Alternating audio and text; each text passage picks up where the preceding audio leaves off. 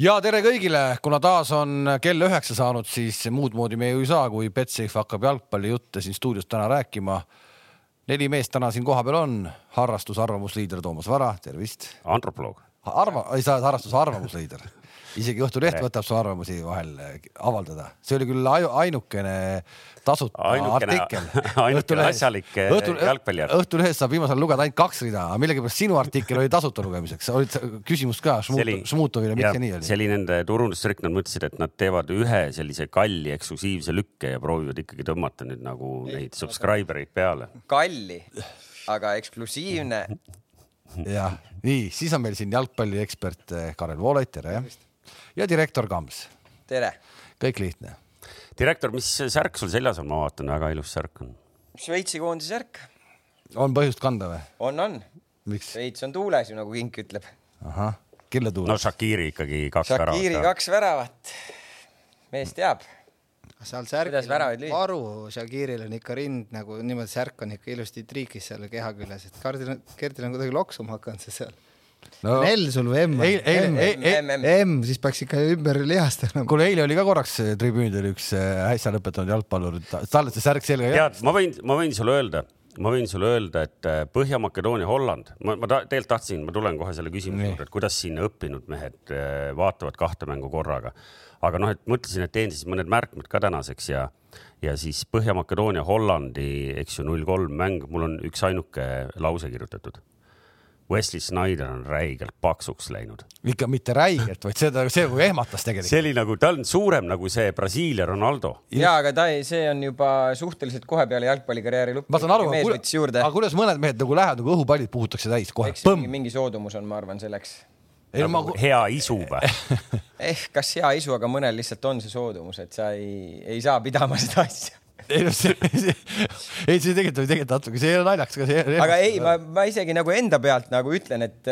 on soodumus ei, ei, võib-olla mul ei ole soodumus, aga, aga see kui sa nagu astud sellest, sellelt rongilt nagu mingis mõttes maha, siis. ise ei täida veel Shakiri särkigi ära. siis, siis on nagu neid trenniaegu nagu päris keeruline nagu leida nagu ja, ja, ja toimetada vastavalt, et muidu sa ju oled ikka iga päev trennis vahest, et kaks korda käid jõusaalis, jooksed väljakul, fitness pigem on hea ja siis järsku ei ole seda enam kõike. no rahu, rahu. ja söök ka. räägime sinu, räägime sinuga kümne aasta pärast, et siis vaatame, mis aga kui jah, selles suhtes võiks selleni ka nüüd ikkagi jõuda, et mida see noh, Toomase väljend harrastusantropoloog tähendab, et inimesed, kes meid vaatavad, tahaks seda teada. ja ei, inimesed tulevad tänaval tihti vastu ja küsivad, et ei no, antropoloog, antropoloog on, eks ju see, kes tegeleb mingisuguste selliste noh, ei saa, ma ei tea, kuidas see nagu kor korrektne definitsioon on, aga vaata, kui sa oled nagu see eeslide harrastus tähendab seda, et, et sa tegeled sellega nagu äh, omamata tegelikult ettevalmistust, noh, ja ütleme siis ausalt välja ka teadmisi, eks ju, aga noh, sul nagu sees mingi driver sunnib ikkagi sõna võtma mingitel teemadel, siis noh, vabandavalt nagu mainid ära, et oled harrastuse antropoloog näiteks või harrastus jalgpalliekspert. jah, sul seda driverit sees on kõvasti, see, see, see driver on suur, noh, see on suur hakka siis Gert peale, millest me täna räägime. ei, mis mina, mis, mis, mis nüüd mina noh. no kuidas? ja kuulan, meil ei, lähme, sõiduleht lähme, on tehtud. Lähme ajalises järjekorras, nagu me oleme juba nagu formaadi paika loksutanud, et vaatame ikkagi äh, need mängud ka korra üle, mis juhtusid peale seda, kui me viimati eetris käisime, ehk et äh, see tähendab seda, et me peame pilgu tagasi heitma üheksateistkümnendasse juunisse kui ma nüüd õieti mäletan, sest täpselt sel hommikul me olime korra eetris. Ungari-Prantsusmaa äkki seal? Ungari-Prantsusmaa jah taaskord. oleme ausad, äh, ma, ma, ma lihtsalt tunnistan, ma mõtlesin, et ma tavaliselt nagu panustamisega ei, väga ei tegele, lihtsalt aega pole, harrastus, harrastusinimesel pole aega. ja selle turniiri eel ma äh, vaata vist kirjutasin korra kuskile ka, et ma proovin nüüd, et vaatan, kas turniiri lõpuks jääb maja võitu või ei jää kuhu sa kirjutasid no see ilm... erinevalt minu artiklitest, see oli tasuline. mis äh, ilmuvad üleriiklikes. ma kirjutasin lihtsalt oma kodus tahvli peale mind, mind keegi ei avalda, ma kirjutan saunas seina peale ja siis äh, äh, kaks mängu, mis on, röövisid kohe mu eelarve oli siis, äh, ma jõudsin vahetult ennem äh, teha väikese sutsaka siis Soome-Taani mängus, ennem kui Eriksoniga juhtus pahandus. sealt läks kohe esimene eelarve ja siis ma mõtlesin, kogu tükk aega kogusin nagu raha, et ma nüüd proovin siis teises mängus veel õnne ja see oli siis see Ungari ja Prantsusmaa. Aga see ja kõik, ühesõnaga ma sellest ma nüüd loobusin, kõik. seda ei saa sulle nagu pahaks panna, neid eksimusi. no aga miks? No,, aga nagu... siis ma oleks, tegelikult ma mõtlesin eile nagu soomlaste peale, davai, et sommid, minu, minu taga on praegu see teie saatus, ma panen praegu tead siin Belgia peale ja te lööte kohe ära ka, aga mul lihtsalt ei olnud enam sääste noh sa panid päris suured, suured summad siis, suured summad. jaanipäev on tulemas ja, ja nii edasi. ja ei, ei, selles mõttes on hea, et hoia ikkagi natuke nüüd siin äh, kolmapäevaks ka, et, et, et raha võib vaja minna, aga ei, Ungari-Prantsusmaa, minu nagu põhiline emotsioon oli nagu siis mängu lõpus või noh, tegelikult ju mängu ajal ma jälgisin ungarlaste mängu ja loomulikult seal oli tõesti see, see statka või see, see tripkadelt tulev nagu tugi oli, eks ju, võimas, me oleme nüüd seda nagu kolm korda näinud seal. aga eh, mina nagu mõtlesin selle mängu või ungarlaste mängu peale vaadates nii, et, et mõtle, kui Eesti saab eh, üks päev eh, EM-ile. näiteks mul soomlaseid vaadates ei tekkinud seda tunnet, aga neid, seda konkreetset Ungari mängu vaadates ma mõtlesin et kurat, kui vägev oleks, kui see oleks olnud nagu Eesti, kes oleks vot niimoodi mänginud mingi suure vastu. ja aga seda ei juhtu. sa oled, sa oled nagu underdog, selgelt underdog, aga sa lähed nagu, sa läksid mängima, sa ei läinud nagu noh, soomlaste taktikast me saime aru, kannatame, kannatame, vaatame, mis juhtub, kannatame. Nad läksid mängima prantslaste vastu, prantslased, kellel kõik ütlesid neile, kuulge, prantslased on ju kurat, vau, vaata reis. ungarlastel oli täiesti ükskõik sellest ja aga seal peab kuidagi olema, sest ma olen ka seda mõelnud, see nüüd on, nüüd on seal see Põhja-Makedoonia, nüüd on seal see Soome seal turniiril, et kas nad nagu peaksid seal olema ikkagi või nad ei peaks seal olema, see on nendele. ei peaks tegelikult. Nendele inimestele on ta nagu, kes on Soome fännid või Põhja-Makedoonia, nendele kindlasti suur asi, aga tegelikult vaatame ikkagi reaalselt otsa. muidugi, meil siin ka see, Eestis see, on segased tunded, noh, me tahaks ju ka, et me mängiks seal, on ju ja, ja selles mõttes oleks nagu vägev ja nüüd aga, et mis siis edasi juhtub? Põhja-Makedoonia läks ka nagu hurraaga mängima, aga neil lihtsalt ei tulnud mitte midagi välja, eks ju. noh, erinevalt siis nüüd Ungarist, kes sai ikkagi nagu vähemalt mingisuguse nagu märgi maha ja noh, tõesti oli nagu uhke.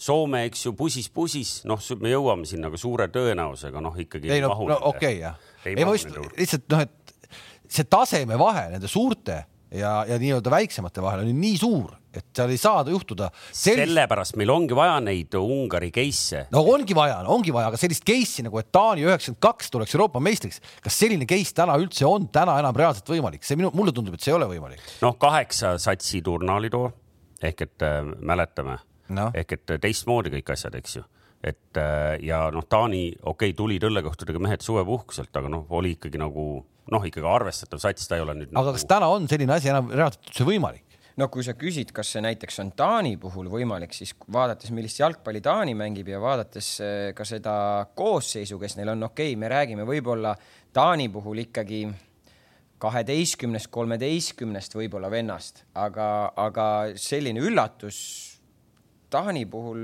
isegi see varaennustus, nagu ma mitu korda kusjuures olen selle peale mõelnud, sellele ennustusele, mis sa oma seal mm -hmm. saunas läbi mängisid, on ju, et äh, ja, ja vaadates seda Taanit, vaadates, kuidas nad mängivad, äh, mine sa tea, kui kõik õnnestub, miks mitte nagu ja ehk et noh, ka uuesti jõuame sinna, aga see eilne, see, kuidas ikkagi lõppkokkuvõttes Venemaad loputati, noh, see oli ikkagi nagu muljetavaldav ehk et eh, Taanist eh, võiks nagu rääkida ja, ja, ja õnneks me näeme neid, eh, neid kindlasti veel mängimas, nii et me ilmselt saate lõpus vaatame korra üle, mis meil juba siin veerandfinaalidesse kokku jooksmas on või noh, siis ring varem ka. Karl, me oleme jube pikalt siin midagi rääkinud, sa ei taha midagi vahele öelda? no tegelikult see on hea, kui teised räägivad, siis samal ajal saad kuulata ja mõelda, et aga, aga ma tean, et ma ei tohi liiga kauaks mõtlema jääda, et muidu mis ma ikka tulen siia, eks. aga et, et, et, et vahepeal tuleb midagi rääkida ka, et ma otsisin seda hetke, et kus on nagu see, et nagu ma ei tea, kunagi Saks, koolis oli see, koolis oli see, et õpetaja, et vabandage, et, et tahaks ka midagi öelda, aga ma, ma tean, te olete, te teete neid pause, et kus saab vahepeal rääkida ka. Ungariga on see, et tegelikult ta on ju, ta on nii, nii hullus grupis, et kui sa mõtled, aga mis sul siis muud üle jääb, kui seal nagu kuidagi, ma, ma ei ütle nagu kannatada, ma olen täiesti kindel, nad nagu kannatavad ka, et, et me nagu ütleme, et noh, nad läksid nagu mängima, aga ega need vastased ei ole neil väga palju nagu lasknud, et, et paneme nad lihtsalt Ukraina, Austriaga ühte alagrupi, paneme Makedoonia asemel.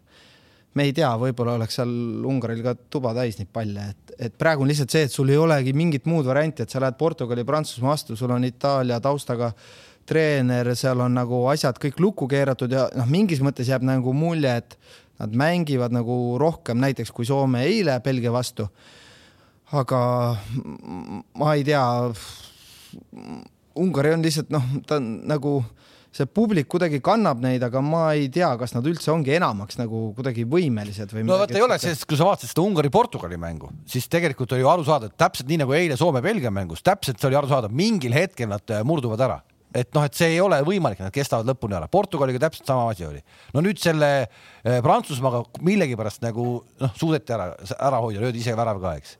et see, see oligi nende lagi, põhimõtteliselt see oligi nende lagi seal, seal ja. nagu, nagu vaadates nagu Ungari prillidega seda mängu, siis veel eriti kurb oli see prantslaste värav, et või noh, mitte kurb, aga noh, see tuli, nad olid kaitses nagu püsinud nagu hästi ja siis see tuli mingi ju nende enda mingi nurgalöögi järgsest või, kui nad ei jõudnud. kiire üleminek. seal olid valed mehed. seal oli kiire üleminek.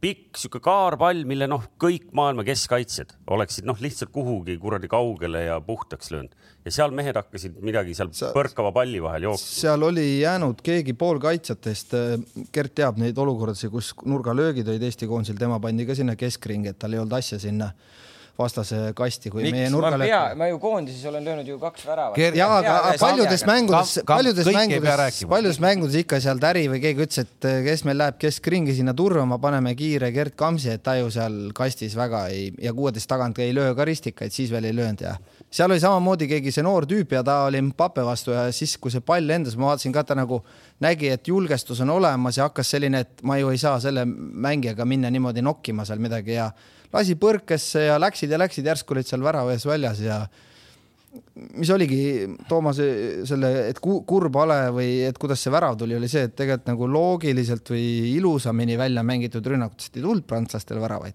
ja siis sellisest nagu kuskilt sealt mingi põrkega tuli see jälle ette sinna, aga noh, see on, see on see tipptase, et see Kriismann seal luusis ja nuusis ja tiksus edasi-tagasi ja lõpuks oli see pall jala juures ja. aga ikkagi, kas okei okay,, ungarlastest rääkides on nagu selge, et noh, me ei saa siin nagu väga kaugelt pikka lugu neist rääkida, prantslaste lugu mida, mis me hakkasime turniiri eel peale, et niisama need nii-öelda äh, lahkheli jutud äh, ei hakka ringlema, kuskilt nad ikkagi tulevad.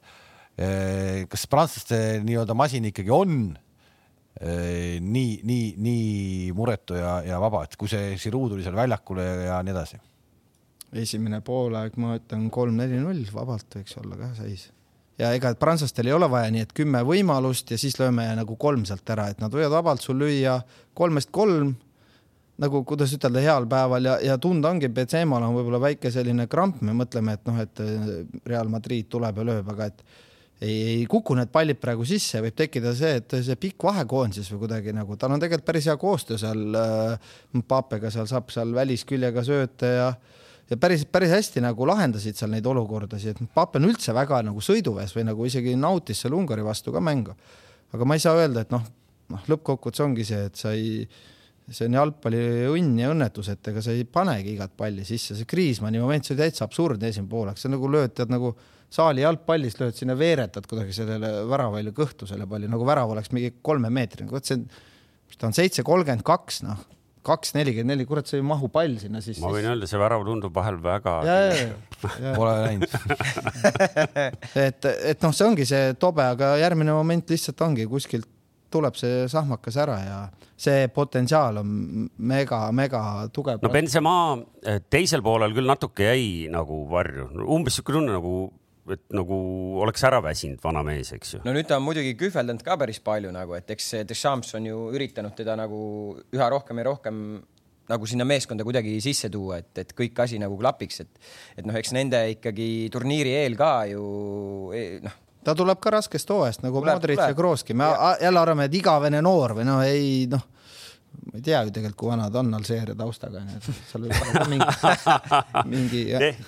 Siis, kui Dembele sisse tuli Rabiot asemel, siis ma tegelikult ootasin juba Giroud, noh, mõtlesin, et noh, andke siis tal vähe pikemalt nagu võimalus, et ärge jätke tal viimased kümme minutit, palju ta lõpuks sai, mingi veerand tundi või?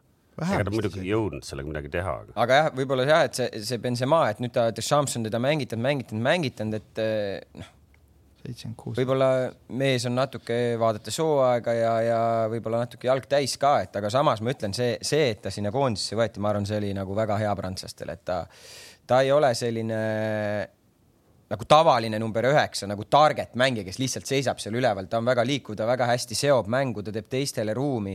et äh, seal Mbappe ja Kriismann, ma arvan, neil on hea meel, et neil niisugune vend on seal.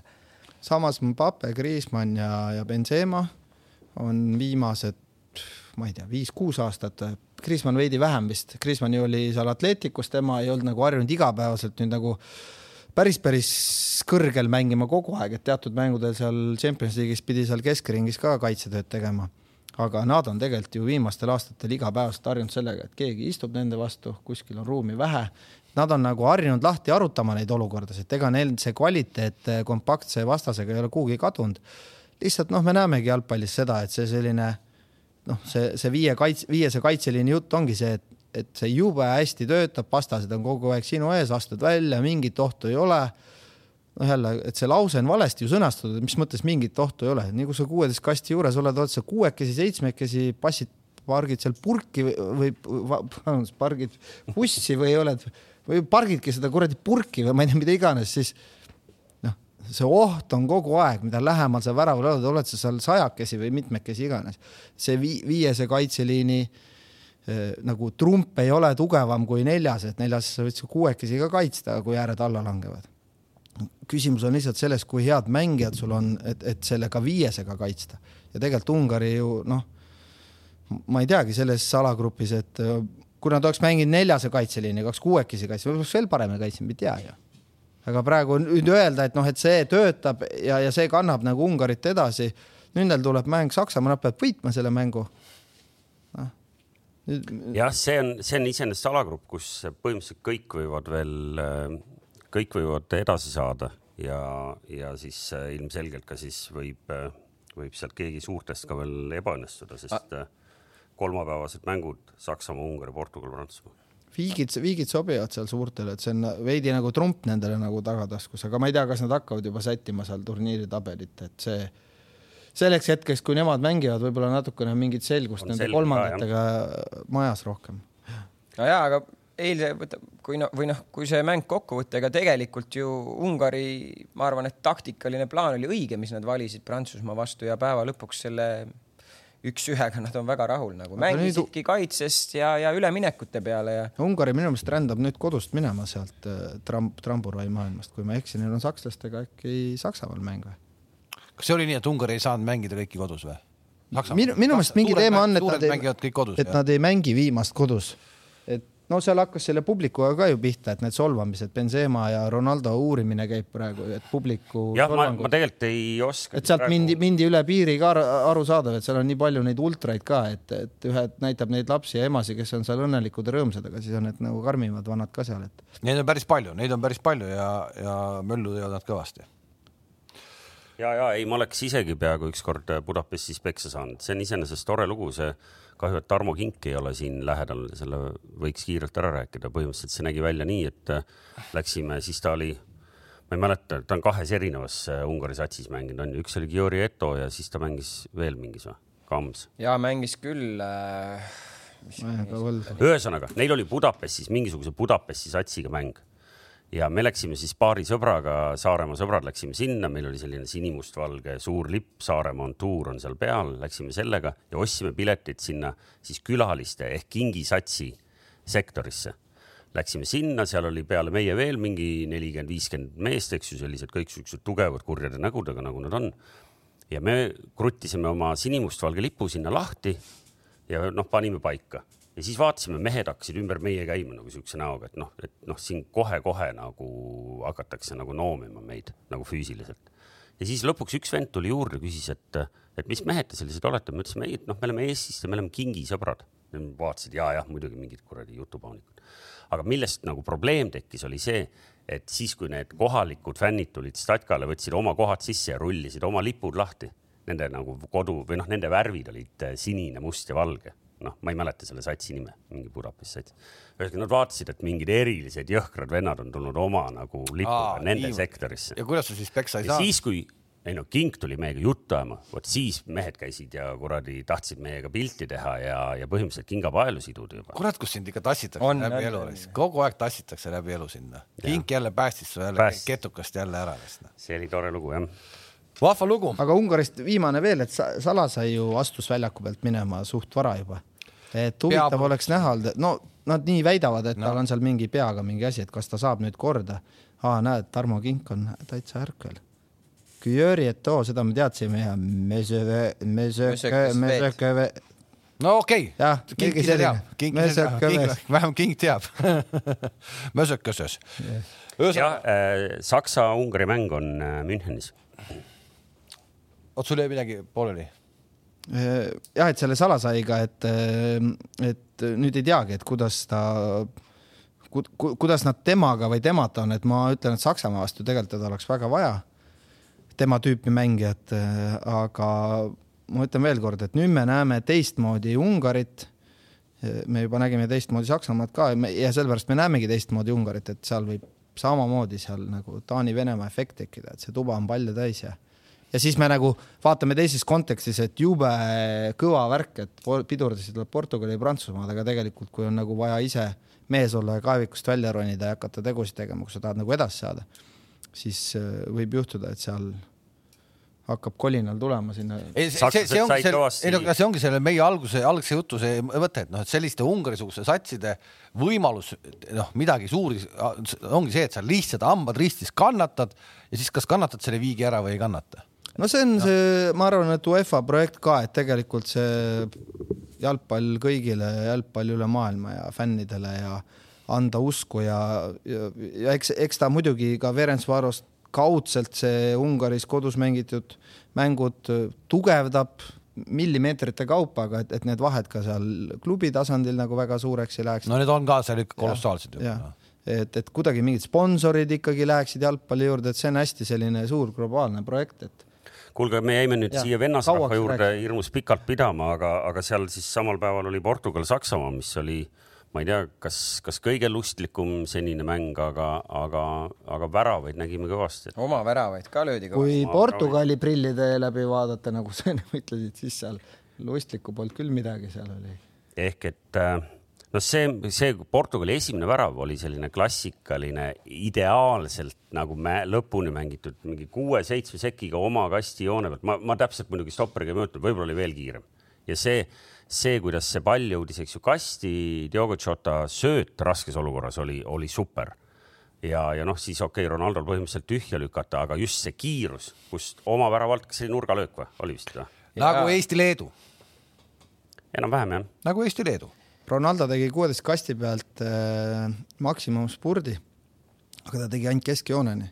Ja siis edasi hakkas selline hiiliv selline minek, et ta ei läinud tegelikult algusest lõpuni sinna päris suurel kiirusel vaid ta kogus kiiruse üles ja siis ta hakkas passima, noh, tal see suluseisu liin tuli ette. ja vaata, kas seal oli see, seal Havertz oli jäänud taha, vaata, me enne rääkisime, et nurgalöögi ajal jäävad, eks ju, mingisugused sellised keskväljamehed, kes noh, kellest võib-olla mingit palju abi ei ole, eks ju, jäetakse sinna kuhugi taha keegi peab seal ju olema, keegi peab seal ju olema. ei, okei okay., aga tegelikult oli, vaata, Havertz oli kõige alumine mees ja siis ta, siis ta oli hetkeks segaduses, et see pall äh, pall tuli sinna Jota suunas ja siis ta nägi, et see Ronaldo on ka seal kohe kõrval ja seal, kui seda kordust vaadata, on hästi näha, et, et noor mees sel hetkel ta enam ei teadnud, kuhu commit ida ennast, nagu me siin, eks ju, oleme nüüd kasutanud. ei, aga päriselt, see jäi mulle silma, et, et seal võib-olla mingi äh, ma ei tea, jõhkram mees oleks seal otsustanud varakult võib-olla mingisuguse otsustava liigutuse teha, et, et ei oleks nii kaugele see pall üldse jõudnud. et siis võtnud Ronaldo maha, sa mõtled? no ei, no sa pallita meest maha võtta, seal sul oleks väga karm karistus võib-olla tulnud, aga, aga ta, ta ei, ta ei, ta ei tegelenud lõpuks kummagiga sel hetkel. see olukord ei rääkinud jah tema kasuks, et see oli selline Ronaldo kasuks olid kõik olu-, ruumi palju ja kõik sai seal hiilida ja sättida ennast hästi. muideks nelikümmend nelikümmend kuus väravat viimases neljakümne neljas mängus, et ka päris hull vana on see Ronaldo ikka et.... kusjuures, aga üks number on küll, äh, on, on müstika, kui Ronaldost räägime, kõik need karistuslöögid, mis on, kõik ta võtab ja suurturniiridel on mees löönud siis nüüd täpselt viiekümnest ühe. Ehk mõtle, mis Hispaaniale. Või jah, mis on, mis on tegelikult nagu Portugali meeste nagu võimalus veel väravaid saada tegelikult, noh, sellega on tegelikult nagu väravate või, saamise võimalus ära võetud kui sa lööd ikkagi üheksakümmend kaheksa protsenti nurgalöökide või karistuslöökidest lööd mööda no. ja ega ta ei Seal ole ju, ta raud. ei ole klubis ka löönud viimasel ajal, ei ole löönud nagu. ja aga, aga noh, ärge, no mitte ärge unustage, ega muidugi sellele on raske vastu vaielda, aga Portugali teine värav kuradi atleet hüppab seal taga posti juures kahe meetri kõrguselt, tõi jalaga selle palli tagasi, et Jota saaks selle sisse lüüa ka, noh. ei, kahtlema kõik õige, noh, noh, müstiline vana, eks, aga see, kus ta karistuslööki lüüa ei suuda ja see, kus tegelikult, kus ta tegelikult oli seis kaks-neli, see oli päris lõpus juba Äh, kus sa nägid, et ta ei aja ainult oma numbreid taga, tal on sada seitse nüüd koos, eks maailma rekord on sada üheksa on ju, et tegelikult oleks ju võimalik, et davai, et seal üks, kas oli üheksakümmend kaks või midagi sihuke minut, kus ta ikkagi läks veel kastis söötu otsima seal kellelegi, äkki oli ka siis Jota või keegi, kes seal oli. ehk et siis kuidagi mõtlesid, näed, ei taha, et ei olnudki, et ma lööks kohe ise peale igalt poolt suvalisest kohast, ikkagi nagu otsis veel seda söötu seal noh jah, aga, aga noh, selge see, Saksamaa jättis ikkagi väga hea mulje selles mängus või? ei, jättis, jättis äh, huvitav muidugi on see, et kui me vaatame Portugali ja me vaatame Portugali selle treeneri käe all, siis eh, tegelikult nad on tavaliselt kaitses väga tugevad, väga tugevad, naljalt neile palju väravaid ei lööda. ja, ja, ja nüüd löödi neli. et äh, huvitav iseenesest äh, selline, et kuidas neile nagu nii palju järsku löödi, okei okay,, me räägime Saksamaast, aga, aga ikkagi see asi ei olnud seal nii hästi minu arust. ja seal oli veel ja tekkis selline nagu trammi all olemise nagu efekt, et sa mõtled, et noh, seda tüüpi mängijad, et äh, ja võta, nagu, võta nagu kollek see, see, kollektiivselt. sa mõtled see Portugali ärakukkumine. ja, et kollektiivselt, et okei okay,, üks mängija sul mõnikord treener vaatab poolajal vahetan või, või ma ei tea, kaaslased toetavad, aitavad ta kuidagi jalgadele, aga kuidagi nagu täiesti kollektiivne selline et.... ei no see juhtus, see teiste lagunemine oli, need oma väravad lõid nii paanikasse ära, siis oli tunne, et nad noh, et me kõik teeme ise selleks, et nagu lähebki käest ära ja oli paanika, täitsa paanika oli sellel Portugalil. iseenesest on see huvitav, eh, miks on neid oma väravaid sellel turniiril nii palju, eile nägime ka veel ühte sellel ei ole nagu see, tegelikult otsest seletust ju ei ole, survet või mis, noh, surve on kogu aeg on. noh, tavalised olukorrad ääre pealt pall värava ette või, või noh, need on ju igapäevased. olukorrad olid, olid jah, just nimelt, need olid ikkagi nagu loogilised, võib öelda nende kohta, seal no, oli ikkagi okay. surve täiega, kiirus ka. on, noh, Türgi, Itaalia, Türgi, Itaalia oli samamoodi loogiline, et seal oli, ei, need Portugal, need olid, loogiline, et oli, aga kuidas need varasematel turniiridel pole olnud nii palju? praegu on siis üks, kaks, kolm, neli, viis oma väravat on löödud senine rekord vist on Euroopa meistrivõistlused neli, aga praegu on see juba üle löödud, me pole veel alagrupi turniiri lõpetanud no,. mingi aeg oligi siin, et lüüakse ainult kastist või, või, või määravad ainult standardid ja, ja siis need nagu trendid keeratakse niimoodi pea peale, et see noh, ongi jälle selline võib-olla seletamatu asi jalgpallis, et me ju kasvõi hakkame ennustama midagi, me mõtleme, kuidas see nagu võimalik on, noh, keegi ei näe seda Eriksoni olukorda ette, mis märk seal Taanil üldse külge jääb. kas nad siis välja ronivad, et see on, see ongi nii täiesti arusaamatu, kuskil antakse pennal, kuskil ei anta pennaldit, peil kütab sinna taevasse, sa mõtled, no mis valemiga või noh, et see ongi see jalgpalli selline. ma arvangi, et noh, ta ongi tegelikult võlu ikkagi, et sa ei ja, ja kuidas see ümbersünd toimub mingitel mängijatel, et see kuusend seal üks mäng on nagu selline, vaata, ta ei saa selle Bavardiga seal hakkama ja järgmine mäng siis ta seal portugallastega paneb nagu jumal. mõlemad ääred olid ikka väga. ei, vasak äär töötas ikka neil väga hästi, et eh, ja, ja kusjuures ma sellega nagu olen nõus, et see, kui alguses sa vaatad seda Saksamaa mängu ja see Kussens on seal vasakul vas,, vasakul äärel, see ei tundu nagu selline Saksa, Saksamaalik mingis mõttes nagu, et sa ikkagi oled harjunud nägema selliseid Philip Laami või, või selliseid mängijaid, et see Kuusens ei ole nagu kuidagi selline nagu just nagu, just nagu Saksamaa jalgpallile sobilik vend, aga noh, Portugali vastu ikkagi. pani hullu noh. see äär oli ikkagi hullu. täitsa korras seal jah, ja noh, Portugal äh, seitse mängu oli ilma kaotuseta, viis võitu, kaks viiki enne seda mängu Saksamaaga, et äh, ei no igal juhul kolmapäeval Portugal, Prantsusmaa tuleb äh, kõva andmine, seesama, mis sa ütlesid tegelikult ungarlaste kohta, et noh, Portugal äh, peab minema, eks ju, ikkagi üritama, nad päris viigi peale mängida ei saa, noh, teo-, teoreetiliselt saaks, aga, aga ma ei usu, et nad tahavad jätta ennast kolmandaks alagrupis. me ei oska praegu siit nendest keerulistest tabelitest vaadata, et, et kuhu nad äh, sel juhul läheks, kelle vastu, eks ju. no ütleme ära siis praegu Prantsusmaa, Saksamaa, Prantsusmaal neli, Saksamaal kolm, Portugalil kolm ja Ungaril üks, et äh, noh Portugal on väga lollis seisus selles mõttes just, et nad valisid nagu mingis mõttes sellise teatud loogikale baseeruva strateegia Saksamaa vastu, et anname initsiatiivi ära, aga nõelame neid ja nagu ma ei tea, murrame nad maha nende kontratega ja ja võib-olla siis pärast on mäng meie käes ka veel. No,. arvad, see oli nagu sai... selline teadlik valik, et mulle tundus, et nad lihtsalt jõuga surutud, see Bruno Fernandes noh, mängis, ma arvan, Fernandese heatmap oli seal oma, ma ei tea, kolmandiku serva peal. ma arvan, et Saksamaa mängis kodus ja nad võib-olla selline, et vaatame peale seda viiteist minutit või kahtekümmet minti edasi, et äkki saame hoopis ise oma mängu peale suruda või noh, kasvõi näiteks, et peale sellist väravatki, et Saksamaa annab järgi või murdub, et seda ei juhtunud ja mingis mõttes ideaalne stsenaarium või hea taktika peatreeneri poolt, kui see töötaks ja nüüd on see, et see, sellega tuli kolinal nagu väravaid neile.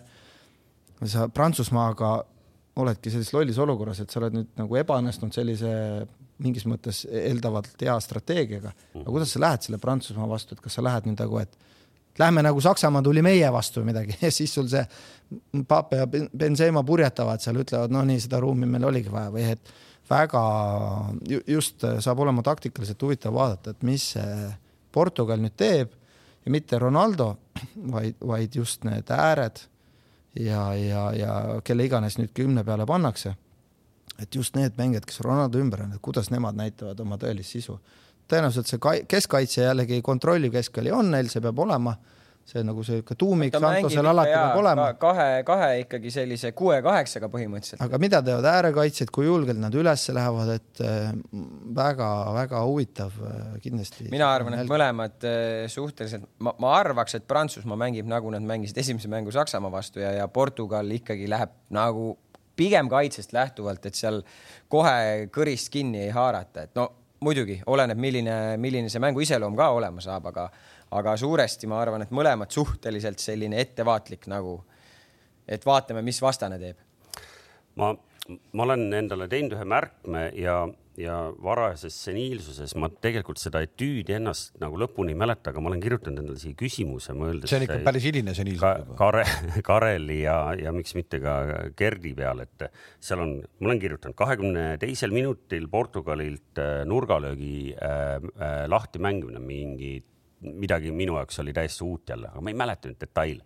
mul oli pigem küsimus see, et kas või kui palju näiteks, ma ei tea, Paide mehed täna või sina, Karel, koondise juures nagu nuputate nagu mingisuguseid nurgalöögi lahendusi, et kuule, et nüüd üllataks seekord nagu konkreetselt, et vot nüüd teeme mingi sellise triki ikka me päris, päris korralikult seal. ma ei mõtle nüüd seda, et oo, paneme. no näiteks Valgevenega võõrsil me mängisime, meil oli mingi plaan seal Kostja seal tükk aega seal kõikus edasi-tagasi seal nurgalipu juures ja noh, sa tahad, sul on vaja Valgevenes seda väravat esiteks, et nagu mingis mõttes neid slaavlasi veidi alandada et tuleb mingi põhjamaine punt, paneb seal mööda maad veereva palli mingi võrgu äärde sulle ja siis on nagu see Basoria peast kinni ja kuidas on võimalik. see tegelikult mentaalselt nagu lööb sind noh, me ei õnnestunud lihtsalt sellepärast, et keegi Valgevenele seal astus kaks-kolm meetrit vasakule ja, ja siis peab ümber mõtlema ja meie mängijad nagu olid, hoidsid jonnakalt kinni, et me, me nuputasime küll ja ma olen paljudes koondistes nuputanud ja ma olen näinud, kuidas meie vastu on konkreetselt nuputatud, et seal mingi U kakskümmend üks Albaania, kuidas need tegid seal mingi neli-viis kombinatsiooni, mõtled, kus kurat need aja võtavad, et see selgeks saada mm. -hmm.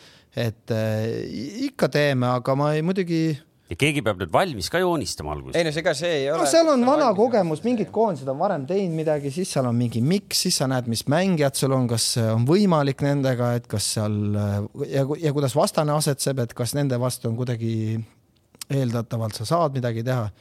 aga minu arust Portugal tõi selle, kas eelmisel EM-il vist või midagi, et mängisid üle poolte minu meelest korneritest lahti et nad on kahe-kolmekesi seal olnud seal nurgalipul. otsige, otsige aga, välja, vaadake üle. iseenesest äh, vaata, siuksed suurturniirid toovad mingisugust äh, natuke äh, vär, nagu uuendusi ka just. mingeid trende, uusi trende. uusi trende, aga see trend kestiski ainult ühe suurturniiri, et kui nurgalööki mängiti lahti nii, et mehed seisid niimoodi rivis, rivis rongis, et. mõned on alles, et selle mõned tulevad uuesti tagasi selle juurde. no ikka enam nii palju ei tee. oota, aga eile Taani mängus oli hea üks nurgalöök, kui nad kõik panid ennast sinna väravajoonele rivisse no jälle pole ammu näinud, aga tegelikult, tegelikult siin tehakse, tehakse, on tehtud tehakse, seda palju isegi Biden teinud. okei, aga, okei, aga seda... kuidas, kuidas äh, sa nagu reageerid, kui sa näed, et vastane hakkab tegema midagi sellist, mida noh, tegelikult nad reaalselt nagu ei tee, aga no nad teevad, et kui, kui, kuidas nagu sa nagu mängijatel tegelikult on, te teete ju, mängite läbi vastaste nurgalöögid ka justkui nagu, eks?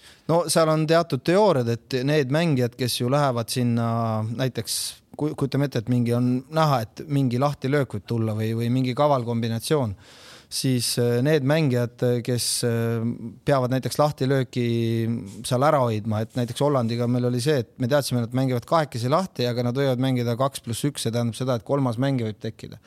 ja see kaks pluss üks on selline asi, et kunagi näiteks Nõmme Kalju mängis Põlseniga Tallinnas ja neile löödi neli standarditest. Ja see on see, et sa oled valmis selleks, et Põlsen mängib kahe mängijaga lahti aga sinna tekkis veel kolmas ja no., ja ääre peal jääb kolm-kaks, et kui sa tegelikult seda ette ei valmista, et kes on see kolmas mängija, kes sinna veel appi läheb või kuidas võistkond reageerib, et kui nad mängivad kolmega ääre peal, siis noh, sa nagu mingis mõttes palud seda jalgpalli jumalat. pingi pealt oot, enam karjuda ei jõua. oota, aga sul on, kui sa ikkagi lüüakse ühtemoodi, lüüakse sulle neli siis tegelikult. no need ei olnud kõik okay, ühtemoodi, aga lõhnast. kas sa ei jõua mängu jooksu, sa jõuaksid ikkagi nagu natuke, kui mängijad ise lahti ei jaga, see natuke mängija tarkus ka ju, ei ole või? no näiteks üks tehnika on selline, et standardolukordade eest vastutav treener, see võib olla ka peatreener, aga ei pruugi olla, tavaliselt on abitreener. Joel Inderminte Floras nurgalöögi läheb ennist mööda mõnikord, läheb sinna väljaku äärde Nii. ja hakkab kisa tegema seal, tema nagu näeb seda ette, et kas seal nüüd näiteks, ma ei tea, Tammeka nurgalöök kordub kas see on mingi, mida tema hammustab läbi, ega mägijad ei hammusta ja mõnikord piisab seal ühele kuueteist kasti peal olevale, ma ei tea, suits sees olevale Senjovile öelda, et kuule, suits eest ära ja ruttu viis sammu vasakule näiteks, kui, kui Senjov ei ole selleks valmis. mõnikord see töötab hästi, mõnikord ei tööta, et see info röökideski ei lähe kohale. Või isegi me oleme näinud video pealt, et röögitakse mängijale. ta vaatab sulle otsa ja noogutab. Aga vaat nüüd, aga nüüd on see nagu Gert peab vastama sellele, et kas tal on siis seal koondise mängus mingi deliir, mina ei ole A-koondises mänginud, mingi deliirium seal peas ta näeb treeneri no, mingit, treener lehvitab. me saame otseallikast küsida oh.. treener lehvitab, teeb nii. miks sa ainult vastu teed ole, ole, lehvitatakse. ole, oleneb, oleneb, kellega mängid pärast mängu räägib, kurat, päris lahe oli, vahepeal peatreener lehvitas. ma vist tegin hea mängu ei, eks sa mängijana ju saad aru, kui mingisugused eh, signaalid sulle tulevad või, või noh, ega ma räägin, et seal ju ka, miks ma ütlesin, et oleneb mängust, vahepeal on selline mäng, et sa, sul on kõik nagu piimhapet täis, et isegi pea nagu läheb täis täis, et sa ei suudagi nagu adekvaatne enam olla mingis mõttes mingites olukordades, aga need olukorrad on pigem, pigem, pigem on sellised ju, mis, mis on seisva palli olukorrad, et sa saad hingata, sa saad rahulikult mõelda ja päeva lõpuks on mängija ikkagi enda nagu selline tarkus ka, et sa ju näed, et kui kolm meest läheb palli juurde, meil on seal kaks, võib-olla okei okay,, ma lähen natuke lähemale et midagi sealt ju tulemas on. ja ka liiga trendid, et näiteks kui Itaalia liigas teatud võistkonnad mängivadki lahti, et veeretavad selle palli seal nurgalippu, siis veeretavad läbi keskkaitsekaarega teisele poole mingid et teatud liigade mängijatel või koondise mängijatel on ka see selline kogemus, et ahah, siit tuleb midagi sellist. ja mis teine veel üks selline jalgpalli jälle järjekordne absurdne näide on see, et teatud mängijad seisavadki üksinda seal kolme vastu ja sulle ei lööda seal väravat, sealt ei tule midagi, keegi seal jookseb palliga üle otsajoone. aga jälle sina võib-olla väikese koondisena seisad seal Belgia vastu, üksinda seal kolme vastu, seal on sul Hazard ümber, De Bruyne ümber ja Mertens. noh, ja siis sa oled seal mm. -hmm ja pärast, pärast vaatad nagu abi, abitu nagu treenerite poole, et miks te ei valmistanud meid ette, et ma ei teadnudki, et nad nüüd tulevad kolmekesi, et paberi peal Reetrumis no, oli kahekesi. suures pildis ikkagi tegelikult äh, tavaliselt, kui keegi midagi lahti mängib, siis seda on ka varasemalt mängudes tehtud, et sa ikkagi valmistad. täitsa tühja koha pealt jah, ei tule. täitsa tühja koha pealt nüüd nii ei tule, et sa ikkagi valmistud selleks ette nagu. mind natuke jah, läks nagu meil ja. niigi ajaga on tuga, eks ju, et nagu mind natuke huvitas see, et kas mingi vend, noh, eks ju, Karel istub kodus õhtul pole midagi teha seal, siis mõtleb. ja joonistan. joonistan, nagu Kossu, nagu Kossu. joonistakse nurgalöögi, vot sellised. ja joonistangi ja lähen treenerite staffi juurde, räägime läbi või siis tuleb minu abitreener, keegi ütleb, et kuule, et meil on see idee, et Valgevene seisab seal või see seisab seal, et mis sa arvad, et no peatreener tavaliselt võib anda lõppsõna, aga mõnikord peatreener ütleb, et kuulge, et teie vastutate, kui midagi valesti on, saate minu käest seal pistulõikini ja, ja ongi kõik, et aga, aga ma arvan, et mängijatel on see, et kuna standardolukorras on see, et kui sa sinna kasti lähed mängijate vahele, sul on see pea sees see, et maksimaalne fookus, oleme valmis, kõik võib juhtuda. sul on seda infot lihtsalt nii palju sinu ümber, väravaht räägib midagi, keskkaitse karjub midagi, siis tuleb vastane, teeb mingi ploki seal, siis nad seal midagi noogutavad, liigutavad kulme, mõnikord räägivad äh, portugali keeles mingi loo veel seal sul. sa ei saa aru, aga sa oled nii ärev, et sa saad, sa saad selles mõttes aru, et mingi asi hakkab nüüd juhtuma. ja vot seal ongi see, et tõenäoliselt inimvõimetel ongi mingid teatud piirid, et kõik ei saa hakkama seal selle tohutu infoga, mis sinu ümber on, siis on mingi publik röögib seal midagi. ja tippmängijad ongi see, et mis eristab neid keskmisi mängijaid, et nad kuidagi tulevad selle, nende olukorda. on, see on, see on seesama asi, et sa ikkagi pead kogu aeg selles, selles keskkonnas olema ka, noh jah, harjunud ikkagi, et kakskümmend viis tuhat inimest röögib ja, ja tõenäoliselt see väravaht röögibki nagu ma ei tea, näiteks Neuer seal Bayern München, Borussia Dortmund, tuba on täis, ta karjubki kõvemini oma keskkaitsele ja siis võib-olla see lähebki sinna ajusse paremini või, või lähebki mõnikord, astub tema juurde, võtab õlast kinni ja liigutab seal kedagi, sest ta teab, et ma võin siin karjuda, muidu ta ei liigu. et, et sellist ähm, läbi elatud jällegi emotsioone või elamusi on rohkem ja, ja vastavalt sellele reageerivad mängijad paremini nii, aga ma ise siin muidugi nüüd selle segaduse tekitasin selle täiesti suvalise küsimusega, aga, aga tegelikult kaitsjatest ja väravahtidest äh, tahaks edasi rääkima hakata, sest, äh, sest äh, meil tuleb päeva järgmise päeva mängudest tuleb esimesena vastu Itaalia, Wales, eks ju. itaallased on. aga meil on Hispaania ka veel. Hispaania, Poola oli ka veel vahepeal. see oli ka üheksateistkümnendal. ja, oli jah. aga vaatame selle ka üle muidugi. mina, ma, ma olen nagu natuke selles Hispaania värgis pettunud, et ma, mul olid väga suured ootused nende suhtes ja, ja, ja selles suhtes, et kui me vaatame, nad on mänginud Poola ja Rootsiga, et äh, minu jaoks nagu vaadates seda, kuidas nad enne turniiri mängisid äh,, kuidas nad enne turniiri mängisid nagu enda mänge, panid seal Saksamaale kuus, vaatasin seda mängu, nad olid täiesti sõiduvees, nagu seal kõik vennad tegid. ja nüüd järsku kas tõesti nagu sellisel koondisel on mingisugune kramp või, või, või kuidagi ei saada seda palli sisse, neil on nagu momente ja veel kord, seal on, seal on, seal on Ramose efekt on seal taga, et Morata nüüd näitas, kuidas penaltit tuleb jälle lüüa, äh, jälle kell, ma kujutan ette, kuidas lihtsalt Ramost kodus naeris. aga More-, More-, More-, kuule, kuule Ramost ei olnud ju selles kuus-null mängus ju. Äh, Moreno ei löönud seda penaltit või? Moratale põrkas see rebound. Moreno ah,, Moreno, sorry, Moreno jah. ühesõnaga nüüd on Hispaania löönud neli pennalt järjest mööda, mis on järgmine selle, see, selle turniiri fenomen on see, et sul lüüakse esimest korda turniiride ajaloos üldse on penaltite protsent alla viiekümne ja see, et Hispaania on löönud äh, kokku oma viimased neli penaltit mööda, mis on ikka ka nagu täiesti ajuvaba ju.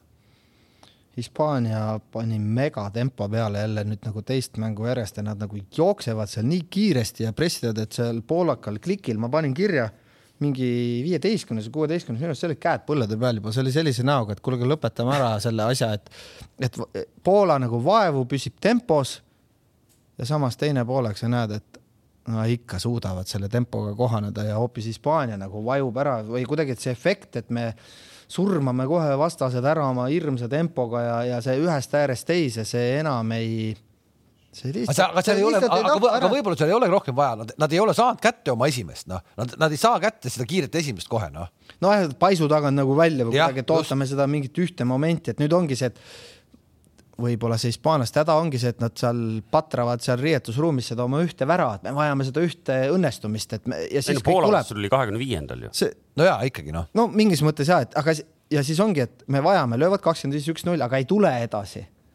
ja, ja, ja poolakas lihtsalt on noh, kogenud poisid seal ei, ei murdu nagu, et et treenerid räägivad seda noh, võib-olla nagu mantravad seal, et üks tuleb, küll nad lahenevad, siin me loeme Belgiad ja kõik, et üks tuleb küll, siis see Soome avab, üks tuleb küll, millal siis on kõik käes aga ei tule, ikka läheb edasi samamoodi ja siis see Poola saab ja saab mängu tagasi ja saab mängu tagasi ja see hakkab närima ja kriipima sind.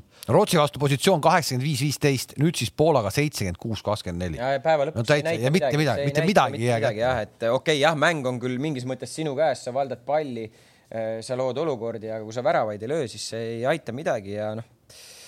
Poolas ei ole, nende vastastel ei ole, Slovakkia, Rootsi, Poola pole ühe, ühtegi niisugust nina püsti mängijat, kes hakkab seal käsi laiutama, kui neil on palli valdamine kakskümmend või kakskümmend viis, on ta viisteist või kolmkümmend viis või neil on savina.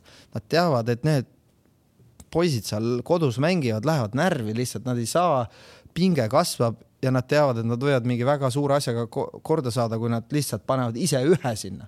see ühe värav hispaanlastel on ka praegu nagu kümne mõjuga või kuidagi, et selline kõik hakkavad üksteisele otsa vaatama, nad teavad, terve see staadion paneb seal puta madre ja, ja jälle seal laguneb see kõik, et aga jällegi teistpidi väga paljud Hispaania koondise mängijad seal Loriente ääre peal ja ei, ei saa neile mitte midagi ette heita, et nad ajavad seda nagu oma jonni edasi. Nagu nii palju on usk ikkagi sellesse süsteemi olemas, et nad, ega nad nagunii ei murdunud, et nad ei mängi distsiplineeritult, ikka surusid ja surusid oma aga Luis Enriquel ongi nüüd nagu mõttekohad, et okei okay,, et kui ma muudan midagi, mida ma muudan, kas ma muudan mängijaid või ma muudan mingisugust lähenemisviisi? tulevane treener Kams, et äh, kes seal nagu väljakul peaks olema, võib-olla siis järgmine kord, kolmapäeval on neil siis noh, ei no raske öelda, kes seal väljakul peaks olema, selles suhtes ju me võime öelda, et mingis mõttes nende nagu plaan töötab ja mingis mõttes nende plaan ei tööta. et tegelikult, kui sa vaatad, noh, Hordi Alba tegelikult on väga hea olnud, onju, nagu sa ütlesid, Lorente, eh, nad ei saa seda kätte, seda ühte, võib-olla kui nad ühe kätte saavad, panevadki seal neli-viis ja see võib olla. see võib olla, aga, aga teine, aga teine asi. ennem saab turniir läbi korra. ei, aga, aga teine asi, võib-olla see nende jaoks siiani ongi hea olnud, et nad ei ole liiga head olnud. ja turniiri arenedes nad lähevad paremaks, paremaks, paremaks, saavad nüüd alagrupist edasi. Kams, sa haarasid mul sõnad suust, ma huvi pärast vaatasin viimasest kaheksast EM-ist ainult üks kord on hilisem meister tulnud täiseduga alagrupist läbi. ja viimasest kuuest korrast on hilisem meister alagrupi viimase mängu võitnud vaid kahel korral. nii et, et.... Äh, aga teate, kui ma vaatan seda Hispaania kaitseliini, ma ei tea, kas seal on see Euroopa meistri see materjal individuaalselt jah, aga et kas ta kollektiivselt on, paneme väravahi ka veel juurde sinna ei no see, seal on kõik nagu no, tippnimed, aga, aga jällegi, et kas nad on see. ei no need on testimata ikka veel ju. et kas nad. me räägime siin kogu aeg, et Itaalia on testimata, kes, mis siis siin Hispaania. Itaalia on küll testimata praegu. Hispaaniat testis Rootsi, tegelikult oli ise, Rootsil olid paremad võimalused mängus kui Hispaanial lõpuks onju, ise möhlasid ära.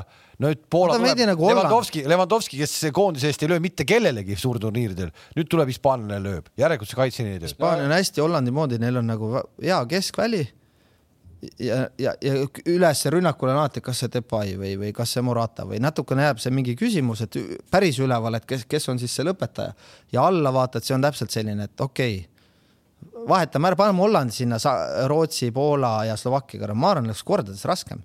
et praegu tegelikult ikkagi Austria, Ungariga või vabandust, Austria, Ukraina ja, ja Makedooniaga saadi nagu paremini hakkama, aga need ongi grammi võrra minu meelest kehvemad praegu. sa paned sinna Rootsi Poola, Slovakkia, ma arvan, et ega Holland samamoodi seal, jutud oleks hoopis teised. Hispaania, Ukraina, Makedooniaga, ma arvan, oleks sealt liualt paremini läbi, aga, aga jälle väga raske alagrupp mingis mõttes Hispaanial, et ebameeldivad ja mugavad vastased, kes nagu väga ei ole midagi ise tahtnud tegema minna või, või rahvuslikku uhkust taga ei ole, et Poola peab näitama Hispaaniale, et me mängime paremini, ei pea. aga kui seal on vastas Saksamaa, või see, ütleme, surmagrupp, sa pead ju nagu uhkust näitama Saksamaa, et me näitame Hispaaniast, me oleme ka mängumehed. praegu noh, ongi Hispaania vastu jälle kõik asjad rääkinud seni ja pennud ka ei õnnestu ja, ja. nojah, aga, aga Toomas, mida muuta? noh, saame näha, kas Luis Enrique muudab midagi, aga Busquets on tagasi nüüd. et kas ta teeb selle selles viimases faasis nüüd, alagrupi viimases mängus, kas ta teeb selle või võtab, noh, Busquetsi puhul sa ei saa öelda, et võtab selle riski mingis mõttes see on risk, sest et ta ei ole treeninud või noh. no seal Peedri pole võib-olla on... välja vedanud hästi keskelale, et keskelale ruumi nagu sättida on, et see ei ole nii perfektne olnud see keskväli. et ma arvan, et ilmselt Busquets tuleb. aga kas ta alustab mängu? raske öelda, sest et ta ikkagi on olnud Hispaania koondise selline väga tähtis lüli Hispaanias. hispaanlased ütlevad selle kohta siis number viis, nende jaoks ei ole nagu, meie ütleme number kuus nagu see keskväli. hispaanlaste jaoks on see number viis. et äh, okei okay,, no Hispaania igal juhul põnev, aga ütle, kas Poolal sealt ühe punkti pealt nüüd viimane mäng Rootsi vastu mis sa, Karel? seda, sellepärast on, Levandovski... sellepärast on, et Rootsi on juba edasi vaata. Levandovski see reaktsioon oli, oli nagu väga selline või kuidagi, et noh, ma ei tea, me tegime nagu mingi ülisuure töö ära või noh, nagu väga-väga emotsionaalselt tähistasid seda väravat. aga see oligi suur töö. ja, ja, ja, nagu... ja see oli talle ka suur töö, mis sa arvad, me rääkisime eelmises saates, kuidas Poolas laotakse kriitikat alla. ja, aga seal oli kuidagi mitte ainult selle mängu, vaid oli kuidagi tunda ka, et okei okay,, meil on nüüd järgmiseks mänguks mingi see asi käes või kuidagi, et seal oli nagu õhkus seda ka, et neil ei olnud seda, et ainult nüüd täna on see õhtu, vaid et sa näed, et nad juba loevad seda nel, nelja punkti kuidagi. muidugi see saab olema nagu raske edasi, aga et, et ma olen täiesti kindel, et paned viimase mängu väga hästi nagu. no ma arvan, Poolaka, Rootsi, Rootsi on juba edasi ka, Rootsi on edasi ka praegu. ja kui sa läheksid Poolaka käest küsima, siis ta ütleks, et noh, me oleme Rootsist, me ikka oleme tugevamad. ja muidugi, aga noh, kuidas see, huvitav on vaadata ka nagu sellisel tasemel, sul on Manchester City, keskkaitsja nagu top, top vend, Inglismaa meister, kõik, ma ei tea, mitu finaali see City see aasta mängis, palju nad võitsid. Ja siis lihtsalt lastakse tsenderduskasti ja noh. lasi ära lükata ennast, aga mis ta selle hetkel, kui teda küünarvarrega Levanovski selga lükkas, seal Rauno Sappinen või Henri Anier lükkab nii vile ja kõik. ja see on teine asi muidugi. seal Levanovski on staarmängija. võrdsematest võrdsemaid ikkagi on. staarmängijale antakse veidi nagu rohkem andeks ja Laporte nagu liiga kergelt selline staarmängija, kaitse ja staarmängija duellis ja ei tohi lasta nii kergelt nagu ära, et ja kohtunik, kohtunik, kohtunik ei, Laporte ei läinud midagi seal, Laporte oli kordades tugevam tegelikult võib-olla, aga ta eeldas, et sealt tuleb mingi vile ja oligi kõik. pärast laiutad käsi, et. kas no. see on absoluutselt kindel, et Rootsi on edasi või? Neil on kindel. miinimum kolmas koht, ma sain aru. Neil on grupis kolmas koht käes. ma lihtsalt kujutan ette nagu seda, et kui nad äh, on nelja punktiga noh, nelja punkti peal jäävad, jäävad kolmandaks. kas, kas ei ole mingit teoreetilist võimalust nelja punktiga veel väravate vahega? Nende kohta ole. oli raudselt pealkiri, et nad on miinimum kolmandana edasi. okei okay., ehk et äh, sellega klaar, et äh, et äh, ma küsin, ma küsin samamoodi, kas Inglismaa on edasi või ei ole? Inglismaa on edasi. selle, selle äh, Levanovski värava tähistamisega või noh, et nüüd on nagu noh, midagi nagu ära juba tehtud, eks ju.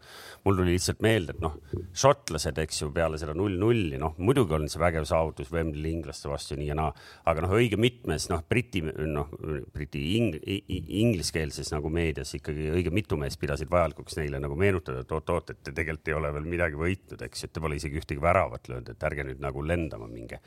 aga noh, sinna me jõuame alles.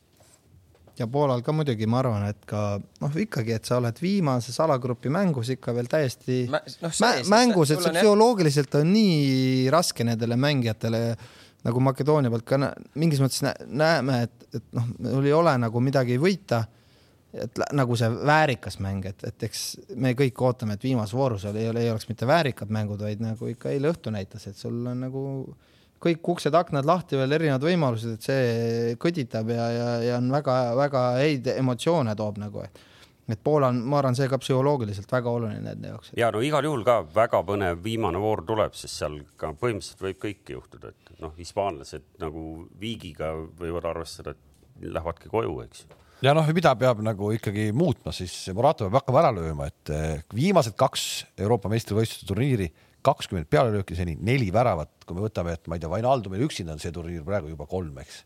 et eh, noh, see on sama jutt me, me ala, ei tea ala, ka, kui, kui palju parem Murata olla saab, et võib-olla seda tajuks paremini, kui oleks ta igapäevaselt temaga riietusruumides koos või näeks teda, et kui hästi ta treeningutes lõpetab ja kõik, et selle jääme võlgu praegu, et aga kui ta ka mina ei usu, et tal ta... väga palju potentsiaali on, ausalt. aga kui ta ka treeningutel ei lõpeta nagu, kui ta ei suuda nagu üldse, siis on huvitav, mismoodi talle on see algkoosseisu koht siis nagu nii-öelda reserveeritud, palju ta neid võimalusi saab ja, ja kui kaua see kestab siis noh kusjuures mina, minu arust see Gerard Moreno, kes neil on, see on väga huvitav ründaja nagu, et aga jälle pole see kõige-kõige suuremate mängude just, mees veel. just ja, ja, ja, ka Hispaanial ongi tegelikult, kui sa võrdled nagu seda koosseisu, kes neil järjest seal võtsid kõik ära, mis võtta sai, onju mõtle, kes neil olid. meenuta, meenuta, et oli... mingi hetk Enrique Käalt käis läbi, nelikümmend kaheksa mängijat oli läbi käinud, keda ta kogu aeg testis, testis, testis selleks suurturniiriks, eks. lõpuks ta on siis kohal nüüd sihukese satsiga, kus tal tegelikult ei ole venda, kes lõpp, kes nagu ära lööks ehk siis eh, kes realiseeriks asjad ära, võtame sellesama Morata.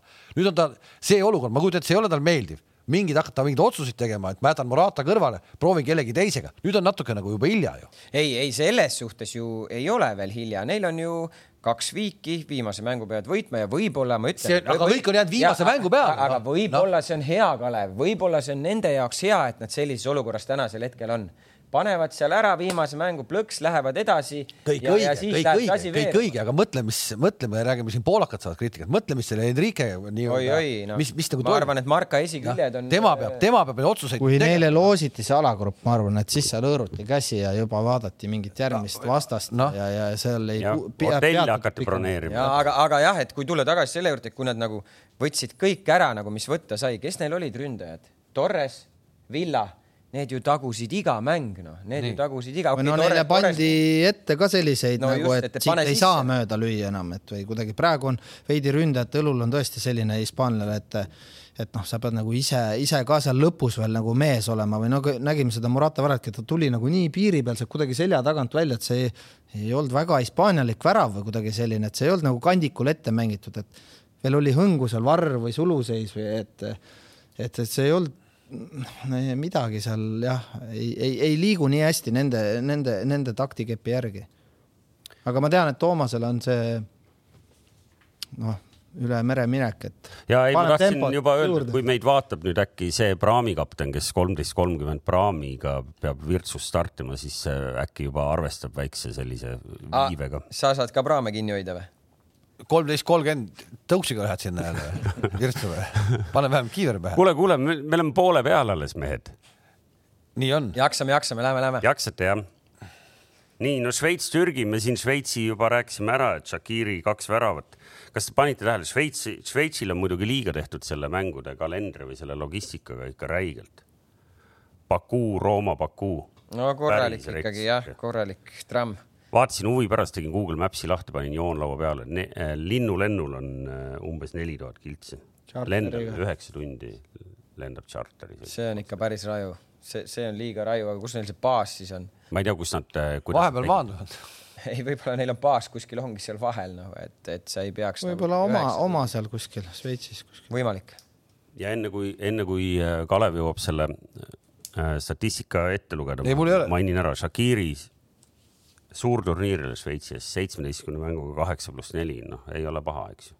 näitab, mis materjal, mis, mis materjal istub Liverpoolis nagu suurema osa. no näitab ka Vainaldumi numbrid koondisest näitavad, mis materjal istub. Äh, ei, aga ei, no, Vainaldum ei istu. ei, mitte ei istu, vaid nii-öelda, et kui. ja, aga Shakiri istub. Shakiri istub. ja, et sellise, sellise hooaja pealt nagu, mis ta praegu tulnud on, ega ta ju seal Liverpoolis mänginud ei ole midagi, noh, et ongi hea värske või? võib-olla on värske ja, ja koondises tunneb ka ennast hästi ja tahab mängida nagu, et tegelikult me ei tea ju, mis temaga üldse Liverpoolis nagu saab, et, et võib-olla ma, ma arvaks, et tegelikult noh, okei okay,, ilmselt ta tahab ise ka rohkem mängida. loomulikult see on Liverpool, sul on äh, põhimõtteliselt kõik seal olemas, mida sa oskad tahta, aga, aga mängijana ta tahab mängida ja ma ei imestaks, kui siin suvel ikkagi mingisugune liikumine kuskile toimub, kasvõi, kasvõi laenule.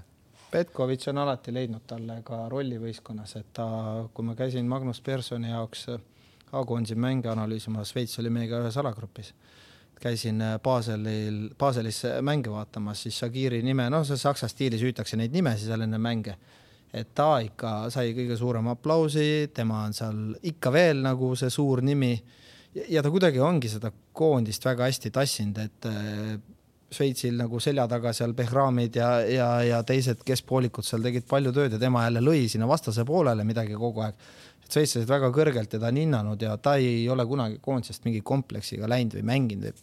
Petkovitš on ju vahetanud taktikat nüüd viimasel ajal ja ta ikka leiab Shagirile nagu hea rolli seal. sul ei olegi tippmängijana rohkem midagi vaja, et klopi standardid on tõenäoliselt nii kõrged, et tal on vaja seal Man City, Mänu Leedsi, Tottenhami, Newcastli vastu nagu mingisuguseid tüüpe, kes mänge otsustavad, eks. ja võib-olla ta siis ei ole näinud, et Shakiri on võimeline, et võib-olla ainult Norwichi vastu näeb seda varianti. Ja ta on tõenäoliselt ka selle karikamängude nagu annab tipule puhkus, Shakiri tuleb sisse, päästab meid, rollis näinud teda. Aga ma ei usu, et ta sellises esimese järgu standardis teda näeb, et ta on Vinjaldovi lahkumise üle väga no, kurb kindlasti. Mm. Aga Shakiri, kui peaks lahkuma, siis temale on tõenäoliselt Kloppil või Liverpoolil asendus olemas. No vot, aga, aga räägime itaallastest ka natuke, sest noh, siin järjekordne nullimäng, eks ju, seeria on päris pikk, et äh, võib-olla mängust ei olegi nii palju pikalt heietada, seal paar detaili muidugi on, et see, see äh, Ampadu punane, eks ju et äh, Wales õnneks sai seal juuni alguses äh, pikalt Prantsusmaa vastu harjutada kümnekesi mängimist. no neile meeldib, tundub jah? jah, et, et selles mõttes võib-olla tuli isegi kasuks, aga noh, kaotusesse neid muidugi ei päästnud, aga aga Ampadu punane, noh, ma mängu algus, mitte päris alguses, seal kuskil kolmekümne, kolmekümne viienda minuti paiku äh,. James tegi täpselt samasuguse vea, ei tulnud isegi vilet eks ju, me eile nägime, Lukaku tegi soomlaste vastu umbes kahekümnendal minutil täpselt samasuguse vea veel oli Austria ja Makedoonia mängus oli ka austerlane pani seal, keegi frustratsioonist pani konkreetselt makedoonlasele samamoodi sisse seal jalg ees. jah. ukrainlasele. jah, läks, pani sisse seal, et seal noh ei, aga Itaalia-Velsi puhul ikkagi, et noh, et Itaalial ei olnud ju väga vaja võita need edasi juba, aga ja vaata, kui palju tehti vahetusi algkoosseisus, eks kaheksa uut meest, kaheksa oli mm. -hmm.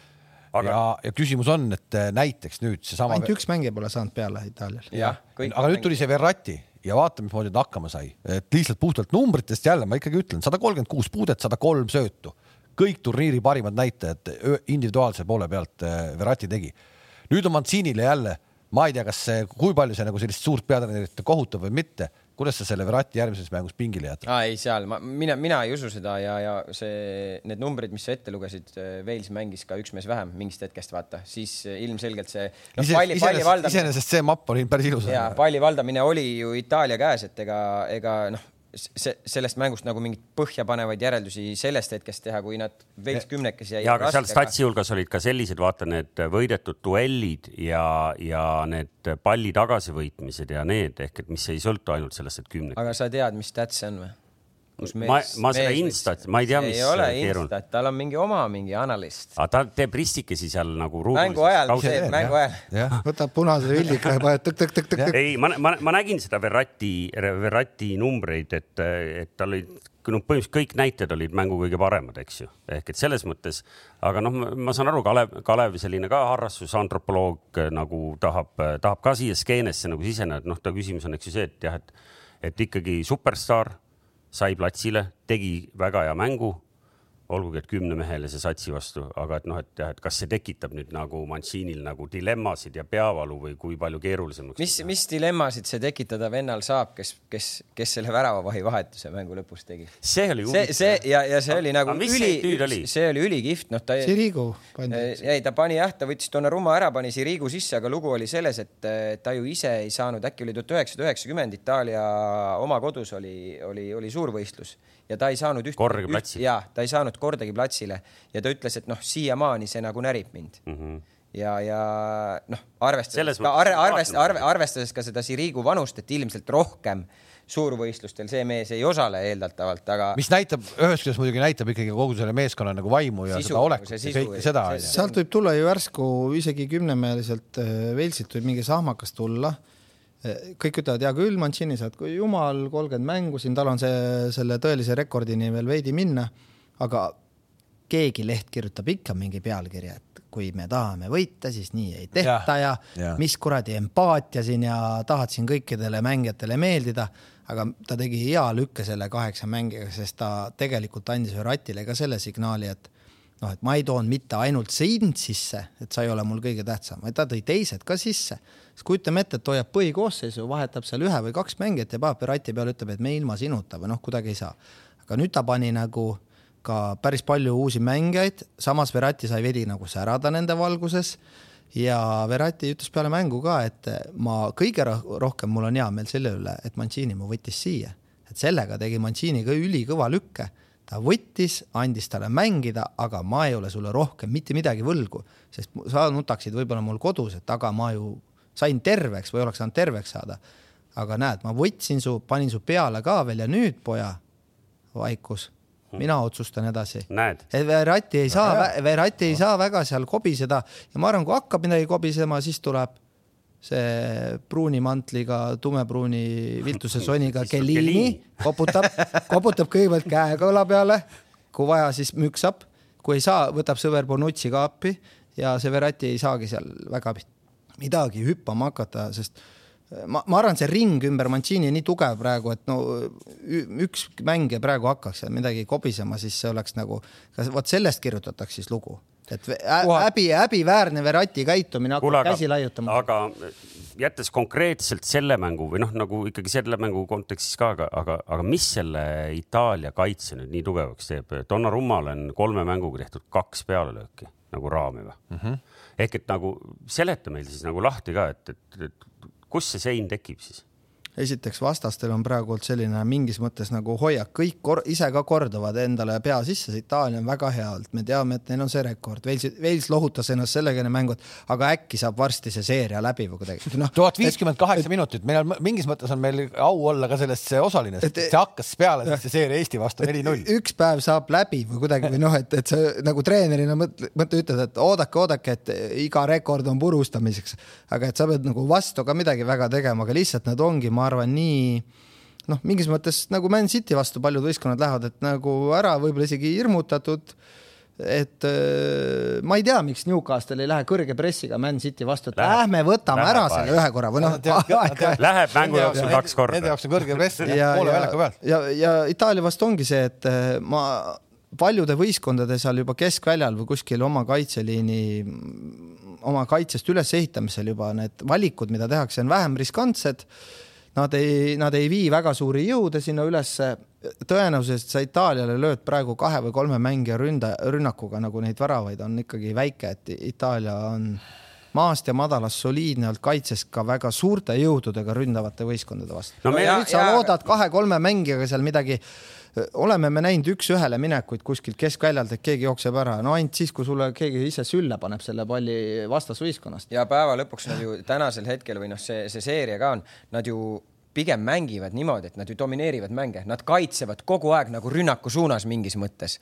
et sa ei suru neid ju niimoodi ära, et sa surud ja, ja nad istuvad seal oma kasti ümber, sa ei näe seda, nad kaitsevad rünnaku suunas ja nad suunavad vastaseid mingitesse olukordadesse, kus nad teavad, et me võidame selle palli võidavad ja jälle kiirelt lähevad su värava suunas. väga palju nurgalööke pole nende vastu saadud. kas sa nõustud, et nad on ikkagi testimata ka selle seeria sees? ma räägin, räägin, lihtsalt ütleme ära selle seeria siis. Eesti vastu hakkas peale neli-null, siis Poola kaks-null, siis Bosnia kaks-null, siis Põhja-Iirimaa kaks-null, Bulgaaria kaks-null, Leedu kaks-null, siis tuli juba see San Marino, eks, oli äh, seitse-null, siis tuli Tšehhi neli-null ja nüüd turniiril siis kolm-null Türgi, Šveits kolm-null, Wales üks-null ja ees ootab Austria ja Austria neid ka veel ei testi ja suur test tuleb siis veerandfinaalis. oota, ma tahtsingi no, küsida, kas nii. Austria äkki ikka testib lõpuks? aga miks Austria, miks, miks selle rivi pealt Austria peaks testima? ei, ma, ma tänasel hetkel ei usu, et Austria seal neid testib. Austria on ka jälle selles illusioonis, üks päev tuleb see päev, kus Itaalia ka koperdab. aga jälle see. seda tahaks näha, korraks tahaks näha, kui neile lüüaksegi üks ära, mis siis juhtub? ei juhtu midagi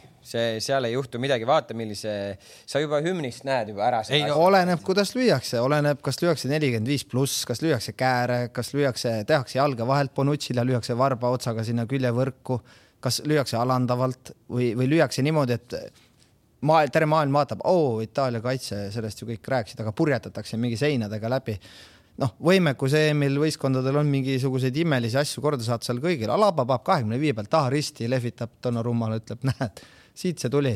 et, et see võib kõik olla selline nagu mingi psühholoogiline matakas, et me arvame, et jällegi, et nad on nagu purunematud või, või, või lagunematud või aga no, noh, me, me... selge on see, et värav ju neile lüüakse niikuinii mingi hetk, et see ju seeria ei saa. ei tea, Gert ju, me ei tea ju. siiani veel ei ole löödud, tuhat viiskümmend kaheksa minutit järjest ei ole löödud. Lähevad lõpuni seal üks-nullid. ei, ei rahu, rahu, et ähm, kui ka Austria neile vastu ei saa, siis suure-suure äh, tõenäosusega näeme juba veerandfinaalis äh, Belgia-Itaalia mängu, nii et, et mölluks läheb ja, ja ma pigem toetan nüüd nagu Kamsi selle koha peal, et, et see värav tuleb pigem varem kui. küsimus on selles, mis, mis neil saab, mis olukord on Chielliniga, kas Chiellini on tagasi, ma arvan, et ta on väga suur ja tähtis osa ja tal on väga suur roll roll nii väljakul kui riietustes. Chiellini on sama suur roll nagu ikkagi mingis mõttes ma ütlen Ramos Hispaaniale, kas ta on väljakul või ta on väljaku ääres, ta on väga suur roll. see, kas nüüd praegu teda nüüd ei ole, ole olnud, ei ole ju tegelikult midagi hullust. ja, ja, ja, ja päeva lõpuks, kui tal mängibki, noh, ta, see mäng pani ju, kui Chiellini ära tuli, tuli sisse see Acerbi aga tegelikult tal on ju võtta ka see Interi poiss, kes ju. ta alustas noor, juba Bastoniga. jah, noh, nüüd ta alustas Bastoniga, sest Chiellini ilmselt ta hoiab. ja sa võtad veel poole ajal Bonucci välja ja paned uh -huh. Gerbi sisse või noh, et see on nagu, ma ei taha öelda, et, et kui nad ei mängi Bonucci Chielliniga, et siis neil on jama majas, aga tõenäoliselt Itaalia puhul juhtub see, et kui nad mängivad, peaks näiteks Akerbi või Bastoniga mängima, nad lihtsalt lähevad kümme meetrit natuke allapoole aga mis see siis Itaalia mängu muudab, ma ei, ma ei usu, et ta väga muudab. Nad on võimelised ja, mängima. ja seal seda, seda kindlasti jah, räägi. et nad on võimelised mängima nagu erinevatel kõrgustel erinevate mängijatega ja piisavalt palju tunnevad nagu üksteist ka, et et noh, ongi jälle testimata ja niimoodi me siin noh, heas mõttes pealtvaatajad iseennast kütame üles, et muidugi me tahame näha, et Austria teeb nüüd midagi nagu erilist. aga ma arvan, et Itaalia on isegi veel varu et neil on, me oleme näinud nagu lae lähedal, aga me oleme näinud praegu Türgit ja Šveitsi. me ütleme, et neid ei ole keegi testinud. aga andke siis meile suurem amps ja me näitame nagu veel paremat klassi, et ma arvan, et neil on isegi veel varu. et kes ei ütle, et Immobile ütleb, et tooge need belglased siia, ma tahan selle Vertongenile näidata, mis vend ma tegelikult olen. mürab seal selle türklastega küll, nad olid suurtes klubides, igavad vastased mu jaoks aga ma tahan selle Alderweidelile, kõik räägivad, et kas ma oleks saanud Premier League'is hakkama või Saksamaalt tuli kolinal tagasi, seal ei löönud ära. tooge need sakslased siia, ma näitan neile. või noh, et, et ka Itaalia, ma arvan, on võimeline veel isegi käigu juurde panema. väga põnev, saame näha. erinevalt Inglismaast. oot, oot, me kohe tuleme, vaatame kiirelt ka eilsed mängud üle, enne kui korraks Inglismaa juurde veel hüppame, sest Inglismaa täna õhtul ju, ju meil, meil uuesti platsil eile kõigepealt vaatasime Põhja-Makedoonia Hollandit ja, ja Ukraina Austriat. mis sa Põhja-Makedoonia. tahtsid teada, kuidas kahte mängu korraga vaatasid? ja õige, õige, ma tahtsin küsida, ilmselt paljud meie vaatajadki küsivad, et kuidas vaatavad nagu meistrid või kogenud nagu äh, jalgpallitreenerid, kuidas nad vaatavad kahte mängu korraga? Ega ongi raske, ongi raske, pead, ega selles suhtes on raske nagu keskenduda või sa tahaks nagu justkui mõlemat näha, aga päeva lõpuks sa ikkagi pead tegema valiku, et sa keskendud rohkem ühele, mis sel hetkel siis sulle endale huvitavam tundub ja teine lihtsalt mängib taustaks ja vahepeal piilud, mis seal toimub, et, et mina vaatasin, vaatasin eile Soomet ja, ja vaatasin. Ähm, Ukraina-Austriat. Ukraina-Austriat, just. mul oli, mul oli mul oli Ukraina-Austria, aga õhtuses mängus ma ikkagi vaatasin Taani-Venemaad, sest noh, ma, ma ei uskunud, et soomlased midagi hakkama saavad, ma arvasin enam-vähem teadvat ja nii ta läks, eks ju, et üks kannatamine tuleb.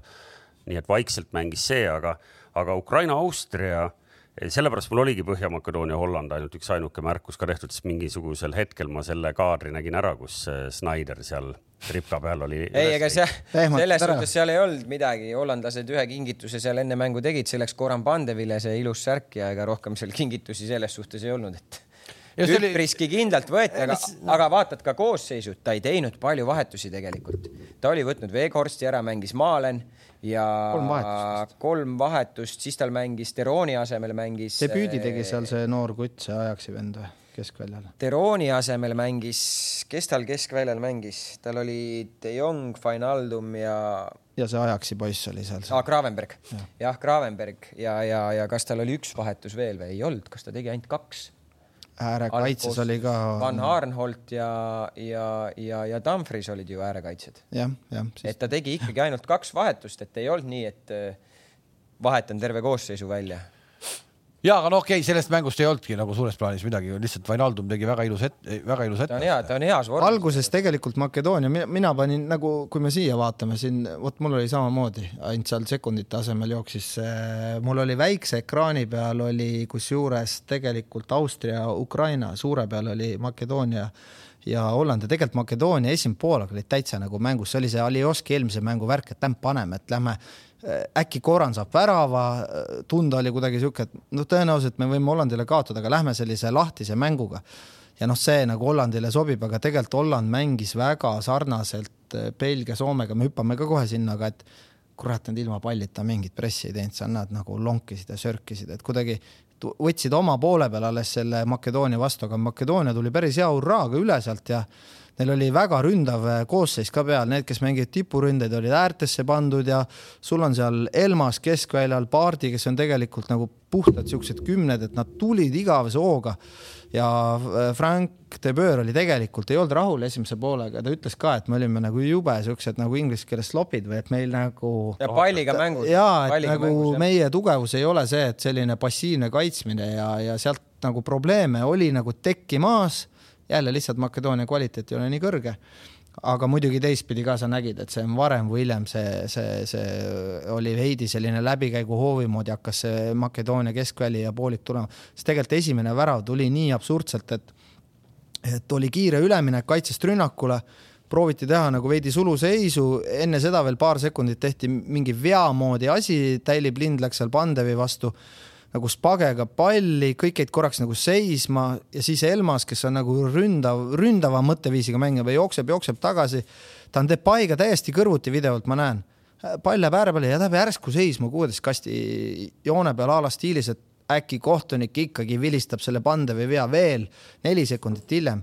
Depay lööb sealt ühe puutega sisse, siis ta vaatab esimene asi kohtunikku ja siis ma saan aru, et noh et sai sellise keskvälja mõtteviisiga või sellel turniiril, no et, et ükski noh, see ei ole Itaalia, ei mängi nii, sa jooksed kaasa selle Depaiga ja sa saad selle üks-null ära ja näed, et noh, nüüd on nagu ütleme, see mäng on nüüd Hollandi käes nagu mingis mõttes. ja teine poolek tegelikult oligi, et seal oleks võinud olla jällegi neid väravaid, ma ei tea, kui palju, et, et see ikka täiesti lagunes see nagu mäng, et et jah no nii ta läks, Põhja-Makedoonia seiklus lõppes kolme kaotusega ja treener lõpetab, Pandev lõpetab, kuigi seal moositi seal, et Saksa mäng tuleb, äkki päästad jälle riiki, aga tundub, et ja, nüüd, tundub, tegelikult, tegelikult see oli kihvt lugu seal taga, et Pandev ju tahtis ju aastaid viis tagasi ära lõpetada selle asja, treener sõitis Itaaliasse, Genoasse, rääkis mehe ümber ja noh. Ma vaatasin, ta seal viimase kommentaari andis nagu Zlatan juba nagu rääkis endast kolmandas isikus juba, et ja et Koranil ei Koran ole on kõik enam, andnud. Koranil ei ole enam midagi rohkem Koran on kõik, Koran on lõpetanud jah. ja veel äh, vigastuse ja valuvaigistitega mängis, kuigi ma arvan, et ta on viimased kaks-kolm aastat pannud seal. ma arvan ka, et seda, tabletikott on tal suurem kui muu kott kaasas no.. seal on see mingi arst, kes uskab teda seal vahepeal seal Makedoonia koondises. ja Ukraina-Austria, Ukraina on üllatavalt nagu tuimalt, tuima, selles mõttes, et jäid taha ja sa mõtled, no nüüd noh, pannakse nagu noh, kõik, mis on, eks ju, torus, sest noh, tõepoolest kaotada pole midagi. ja ei, ma, ma olen nõus ja, ja kuidagi väga selline loid ja, ja oleks nagu Ukrainalt rohkem oodanud selles suhtes rohkem, et kui vaatasin ka seda esimest mängu Hollandiga ja, ja ja neis oli nagu, kui sa nagu vaatad seda ka koosseisu, siis neil on nagu selline hea nagu koosseis, aga kuidagi need miskid asjad praegu ei klapi nagu, et mina arvan, kaitseliin on ikka. no kaitseliin see on ei, üks asi. see, see noor kutt, ma panin kirja ka selle nime, kurat, see keskkaitsja, Baumgart-, Baumgarteriga, nad panid kõigepealt peapidi kokku. no ütle mulle, kamp see noor kutt. ma ei tea. Saba-, Sabarni, Sabarni, sa oled üheksateistaastane no mida sa tead finaalturniirist või mis sa tead, palju Champions League'i mängu sul all on? jälle mingi vana mängumees läheb, mul on siin hea paukuda, ei, see pole ühtegi mängu Champions League'is mänginud. ta tuleb nüüd meistriks Ukrainas üheksateistaastasena, no mida ta siis seal näinud on? Sahtjori paar korda, siis Sorjal Luganskit, paljust puntsi me ei teagi midagi mingit mängijatest, kes seal mängivad, nüüd sa tuled ja sul on seal Arno Uutovits vastas, nüüd sa pead Baumgartnerit seal no sama, mida me ennem rääkisime, et sa pead nendes situatsioonides sa markeerid sa ja sa näed sellel markeerimisel, et see tüüp ei ole veel nendeks suurteks mängudeks valmis, aga Ševtšenko paneb su algkoosseisu, samal ajal räägib, et me tahame alagrupist edasi saada raske, sul on Ukraina kõrgliiga kaitseliin, sa ei pidurda sellega Euroopa äh, tipp, tippe või üksikuid erandeid isegi, ei pidurda, midagi ei ole teha. pluss nad peavad andma Sintšenkole seal enesekindlust, Sintšenko läheb ju närvi juba sellest markeerimisest ja, ja, ja ei lähe. mingis mõttes on see nii-öelda, me ütleme ju siin kogu aeg, et eh, kui Eesti klubid mängivad siin mingit eurosarjat, see on lakmuspaber Eesti liigale on ju, siis see EM on nii-öelda seesama paber siis ka Ukraina liigale. sama Venemaa tegelikult, ka. tegelikult ka Venemaa liigale, eks ole, et ma sinna tahtsin ka, et Venemaaga täpselt sama seis. Nad on no, head. nüüd, kui nüüd ikkagi venelased said korra lennuki peale välismaale Äh, mängima Taani, siis kohe oli näha, mis juhtub. no Ukraina ka hakkadki lugema, ta võib võita Makedooniat, Ungarit, Bulgaariat, Islandit, sa loed, see rivi on jube pikk ja sellepärast nad ongi EM-il, et nad on võimelised väga paljusid koondisi võitma. ja nüüd on jälle mingid nagu standardid lähevad kõrgemaks, sul on vaja seda absoluutset eliiti, nüüd on vaja Jarmolenko, et kolmas mäng tassiks, nüüd ta on väsinud, ta ei jaksa, Sintšenko vaatab, kus mul on Gündogan, kus on mu see De Bruyne, Malinovski poolel välja tuleb see Marlos uuesti sisse, nüüd see Ševtšenko patsutas teda. muidugi, ega see ei ole üldse ju. ja ainult kaotad üks-null tegelikult, ainult üks-null kaotad, ainult ühte väravat on vaja ja isegi ei lõhnanud kuskilt. ja, ja, ja, ja võrreldes eelmise mänguga jälle, tal eelmine mäng mängis Stepanenko kuue peal. vahetas välja. vahetas välja, pani selle Sidortšuki, et noh huvitav nagu, et, et, et, et miks ta nagu selleks mänguks nagu sellised nagu vahetused tegi, et ära siis vaheta seda võitvat koosseisu, et mine, jälle me ei näe laagrit. me ei tea, mis seal toimub, see on selge. kahvlid noad käes, kes seal liigub üle, sest Taras Stepanenko käib seal Donetski Marlosega ringi, seal hauavad mingid vandenõud seal. ja võib vabalt olla see.... ühesõnaga, ma tahtsin lihtsalt siia vahele öelda, mis see, Karel, Karel ütles, et vaata, et kui noh, et äh, kui sul äh, klubi hooajal oleks kümne päeva sees kolm mängu, siis kõik peatreenerid pilliksid ja räägiksid, et noh, mis, mis graafik see selline on. siin me arvame, et see on täiesti normaalne, eks ju, ja siis pole ime, noh, kolmandaks mänguks siin kolmkümmend pluss mehed ja kolmkümmend kraadi ka, noh. kolmkümmend kraadi ja kõik muud jutud. ehk et, aga see, et äh, Zinchenko noh, käitub noh, nüüd eks ju äh, antropoloogina jälle äh,, vaata, kuidas ta käitub City eest väljakul olles, kus ümberringi on ikkagi temast nagu veel grammi võrra suuremad staarid. ta on seal üks mängija ja, paljudes testis. ja vaata, kuidas ta käitub siin koondise eest, noh, ta on ikka nagu hull äss on seal. ei no minu arust ta läks City eest ka lõpus päris ässaks, seal oli mitu, mitu korda oli vaja ikka teda, ta on nii kerge ja lühike poiss, mitu korda tõsteti teda lihtsalt niimoodi maast lahti ja raputati natuke. muidugi. oma, oma mehed tõstsid. Ukrainal tegelikult olid nagu noh, eeldused kõik, et okei okay,, et fännid olid kohal, kõik lõpuks me nägime neid kurbasi fänne ka seal või selliseid mõtlikke fänne, näitas see režissöör aga noh, kohe hüpates sinna Austria peale ka, kurat, nad olid ikka head ka, noh, nad nagu just nagu U Ukraina kontekstis, nad läksid seda mängu ikka nagu ära võtma, ei mingit seal vaatame pärast ja laseme Ukraina mängu kuidagi, et jube agressiivsed ja sellised nagu no, oma tahte surusid peale. kas sellega Itaalia vastu tuled või? jah, kas selle, tuleb test või? selle või? mentaliteediga nüüd ei saa, et me läheme panema, aga see mentaliteet, et me leppisime midagi kokku, panime Ukraina paika panime Makedoonia paika, okei okay,, me ei saanud Hollandiga, me oleme tegelikult hea punt, nad said ajaloos esimest korda äkki vist edasi alagrupist, jälle mingid nagu lood hakkavad seal kasvama, kõik patsutavad, kõik on ju alati hästi.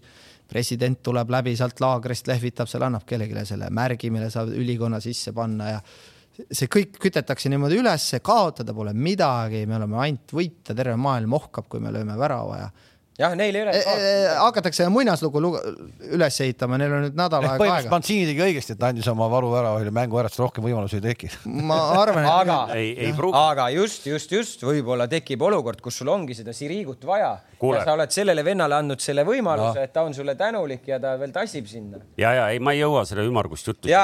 rohkem, et ei, ma tahtsin äh, Kareli äh, kurvad ja rõõmsad fännid äh, meenutas mulle ühe punkti, mis ma mõtlesin, et ma teen ikkagi siin siin nagu publiku ees äh, nagu statement'i ka, et, et kui äh, ERR-i või ETV režissöör meid vaatab, siis äh, eriti need kolmanda vooru mängud, vaata seal peale mängu, noh, seal käib kas mingisugune veel, seal elu käib alles, seal on mingid fännid, seal on mängijad tähistavad, ei ole nagu vaja kiirustada, teil on seda stuudioaega seal nii palju. Hoidke seal paar minutit see pilt staadionil, et noh, mul, ma kirjutasin selle peale Itaalia Walesi, kirjutasin endale nagu välja, et, et lihtsalt kuna, kuna ma, ma oleks tahtnud ise näha, et mis seal Statkal sel ajal toimub. ei, väga vahva. Austria koondis oli väga, väga mitte, et ma nüüd nagu midagi tahaks halvasti öelda jalgpallistuudio kohta, ei Austria koondis oli väga vinge, kuidas nad ise lõpetasid ja kuna nendel on väga palju Bundesliga mängijaid, te teate ju Bundesligas on see, et seal ei, on nagu tegelikult ka peale kaotust ei tohi mängijad väljaku pealt ära minna niimoodi, et jooksed kuskile riietusruumi minema, sa pead minema fänne tänama seal, plaksutama veidi võib-olla kurvemalt seal plaksu, vahepeal plaksutatakse nii, et tegelikult käsi ei plaksu, aga noh, midagi näitad fännile austerlased terve satsi ja tiimiga istusid maha sinna kuueteist kasti oma fännitribüüni sinna ette, istusid seal jalad ristis ja see ongi, sul ei ole kiiret kuhugi. me oleme teie jaoks. mul ootab küll pere ja väiksed lapsed seal kodus või ruttu on vaja hakata kaloreid jälle taastama seal sööma, aga istutakse maha, võetakse see aeg antakse signaalid, et need on väga ägedad kaadrid. muidugi ja noh, mina. me peame nägema neid asju rohkem. natuke jah. nagu, nagu Walesi fännina, et okei okay,, sel hetkel, kui oli teada, et nad saavad edasi, noh, et nad ei saa väga tihti edasi, see oli kolmas kord, kui nad suurturniiril alagrupist edasi saavad ja ja see, et ikkagi nagu meeskond ja fännid, noh, need on nagu toredad etüüdid, et neid äh, võiks meile näidata. ühed rändavad tšarteritega, teised rändavad liinilendudega ja ma ei tea, mis rada pidi, kuidas see Šveitsi fänn, me siin rääkisime, see tõmbasid jooni, et kuidas Šveitsi fänn kõik mängud kaasa rändad näiteks? mõni, ma arvan, paneb kõik mängud. no need on nii rikkad, need panevad oma lennukitega. jah, jah, et silmad on lahti, no, mänguaeg üle peab no, magada. sama noh, et me rääkisime, et miks UEFA teeb suure turniiri, noh, tegelikult ju mõeldakse nagu fännide, peaks mõtlema fännide peal ka. ja siis sa viid selle turniiri Bakuusse, noh, me kõik teame, miks see sinna on viidud, eks ju. noh, ei ole tegelikult adekvaatne, onju no ei ole, ei ole, loomulikult ei ole. nii ja Taani, Venemaa, Soome, Belgia. Taani loputas Venemaad, kõik õige, Venemaa läheb koju. Soomel imepisike tilluke võimalus veel sinna kolmandate hulka jääda, aga raske, näib raske, väga raske. ebareaalsena. no nad eile ikka ka ikkagi kannatasid nagu seal või noh, mis kannatasid, eks see oli nende teadlik valik. korra ütlen veel, Lukaku oleks võinud vabalt ja, äh, punase. Teist... ei, ma seal Soomes seal see, see, kas me ennem ka rääkisime, kas Pukki oli sellises vormis või ei olnud, eile ta sai mitu korda tegelikult sai seda palli sinna kasti, kus ta tipus olles seal jaanuarikuus klubihooaja jooksul võib-olla ikkagi oleks juba mitte ette hakanud võtma, vaid juba lahendanud. Ei olnud kuidagi nii või? vaata seal esimesel poolel kohe äkki kaheteistkümnes minut oli, kus ta seal sai ja. nagu, hakkas seal pusserdama ja siis ma ei tea, kes see De Bruyne tuli, võttis kohe palli ei olnud päris tema momendid ka jälle, ma ütlen no., et see, et kui tema vastas seisab mingi mängija, kes nagu kontrollib teda nagu tempos või kuidagi, et nad on mõlemad paigal või midagi, et ma, ma ütlen veel kord, ma ei tea kõikide väravaid peast aga see, ma arvan, võtaks viiskümmend mängu tema väravaid, siis tal ei ole olnud see finaalturniir selliseid olukordades, et see, see on minu moment või see, see Soome ei ole leidnud teda nii sõiduveesse, ma ei tea neid vastaseid ka, kas nad kurat analüüsivad ta nagu nii, nii pilbasteks seal, et teavad täpselt, mis ta teeb, ma ei usu, aga, aga need, mis tal tekkinud on, need ei ole nagu kuidagi tema, tema momendid ei ole olnud. see, kui sa, kui sa saad, et sa kohe lahendad nagu, lükkad kohe kasvõi varbaga natukene, siis sul oli ruumi, nii kui ta natukene hakkas sättima, nii kohe võeti pall ära, siis oli kõik juba noh. ja, ja, ja ma arvan, et see liigutus ei ole nii terav ka ja. praegu, et midagi seal ongi see, et ta kuidagi ei võta nagu kuidagi enda peale seda nagu viimast teravat agressiivsust, midagi seal ma veel kord jällegi, ta on, tassib ja ma arvan, et paljude mängijate jaoks on ülitähtis, et ta lihtsalt väljakul on, et, et Pohjanpaalu võib-olla poleks nii palju säranud, kui Puki poleks peal olnud. väravaht Radetskist oli siiralt kahju kurat, kus ta oli tassinud. ma kirjutasin kuidagi. seitsekümmend viis minutit. mulle tundub vist, et tegemist on praegusel hetkel turniiri kõige kõvema väravaiga. ei, ei tegelikult tema selles suhtes väravahina, ta on juba, ma arvan, aastaid kaks-kolm. ta oli Bayerni listis, ta oli Bayerni listis. ma räägin, aga praegu turniiril on tema saanud vist kõige rohkem tööd, nii-öelda, nii-öelda jääb silma sellega, kuidas ta on nagu meeskonda tassinud ära siin. ja, ja siis no. kuri saatus annab sulle siukse oma, oma värava, värava.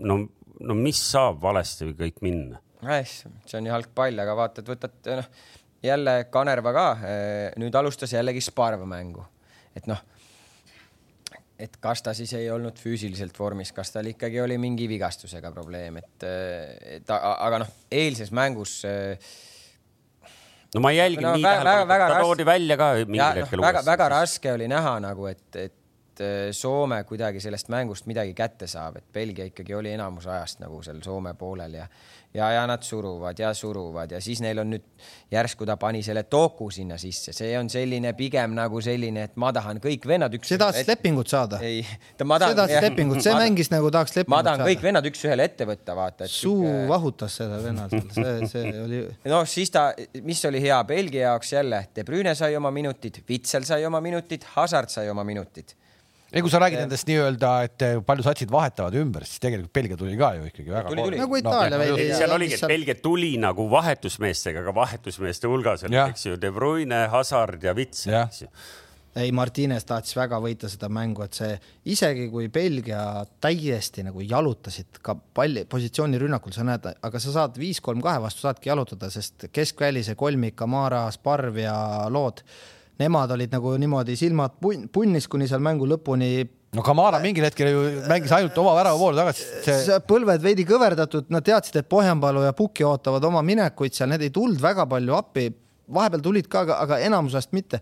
sa näed, De Bruyne ta seisab seal, ta, ta pall, paneb jalad alla palli peale, ta seisab, vaatab ja nii aeglane ja kõrval mul oli siis see arvutist jooksis Venemaa, Taani, ma vaatan vahepeal siin kõrval nagu need punased sekundid meil seal ühel väljakul käib mingi jooksmine, teises käib selline nagu, Belgia oli nagu Soome Helsingis Eesti vastu. veits, me paneme teile ära. aga noh, jällegi see klass on nii kõrge, et vot nemad suudavad nii mängida Soomega, Soome ei suuda Eestiga niimoodi mängida ja sa näed, et see tempo ei olnudki nii kõrge ja teine pool oli ikka Soomet täitsa soss, no nad ei jõua enam sealt. jah, sa, sa, sa istud seal all, sa teed ainult kaitsed, et sa teed ainult kaitsed, et siis see keskvälja kolmik, need jooksevad. sama kaitseliin seal, no väsivad ära, sa ei jõua. siis on enam. sul seal, ma ütlen, kaitses ka, siis sul on belglastel see Toku sisse toodud, siis sa pead seal äärekaitset, sa mõtled, et no palju see vend jõuab kühveldada siin mul üks-ühele nagu, et ma. aga panin kirja kümnes minut, null võimalust kakskümmend viis minti, null võimalust või no kirjuta, mõtle, no kus see nüüd nagu lõppema hakkab. ja jälle seesama, me ütlesime esimene pool, äkki ei lööda väga siin EM-il mingit aga see. minnakse riietusruumi, jälle see Martines ütleb Toku, gaas veel rohkem põhja, Lukaku no momendid tulevad jälle rahustada. kuidagi ei peagi rohkem kõhki keerama, vaid jätkavad samamoodi, siis teine lihtsalt kustub ära.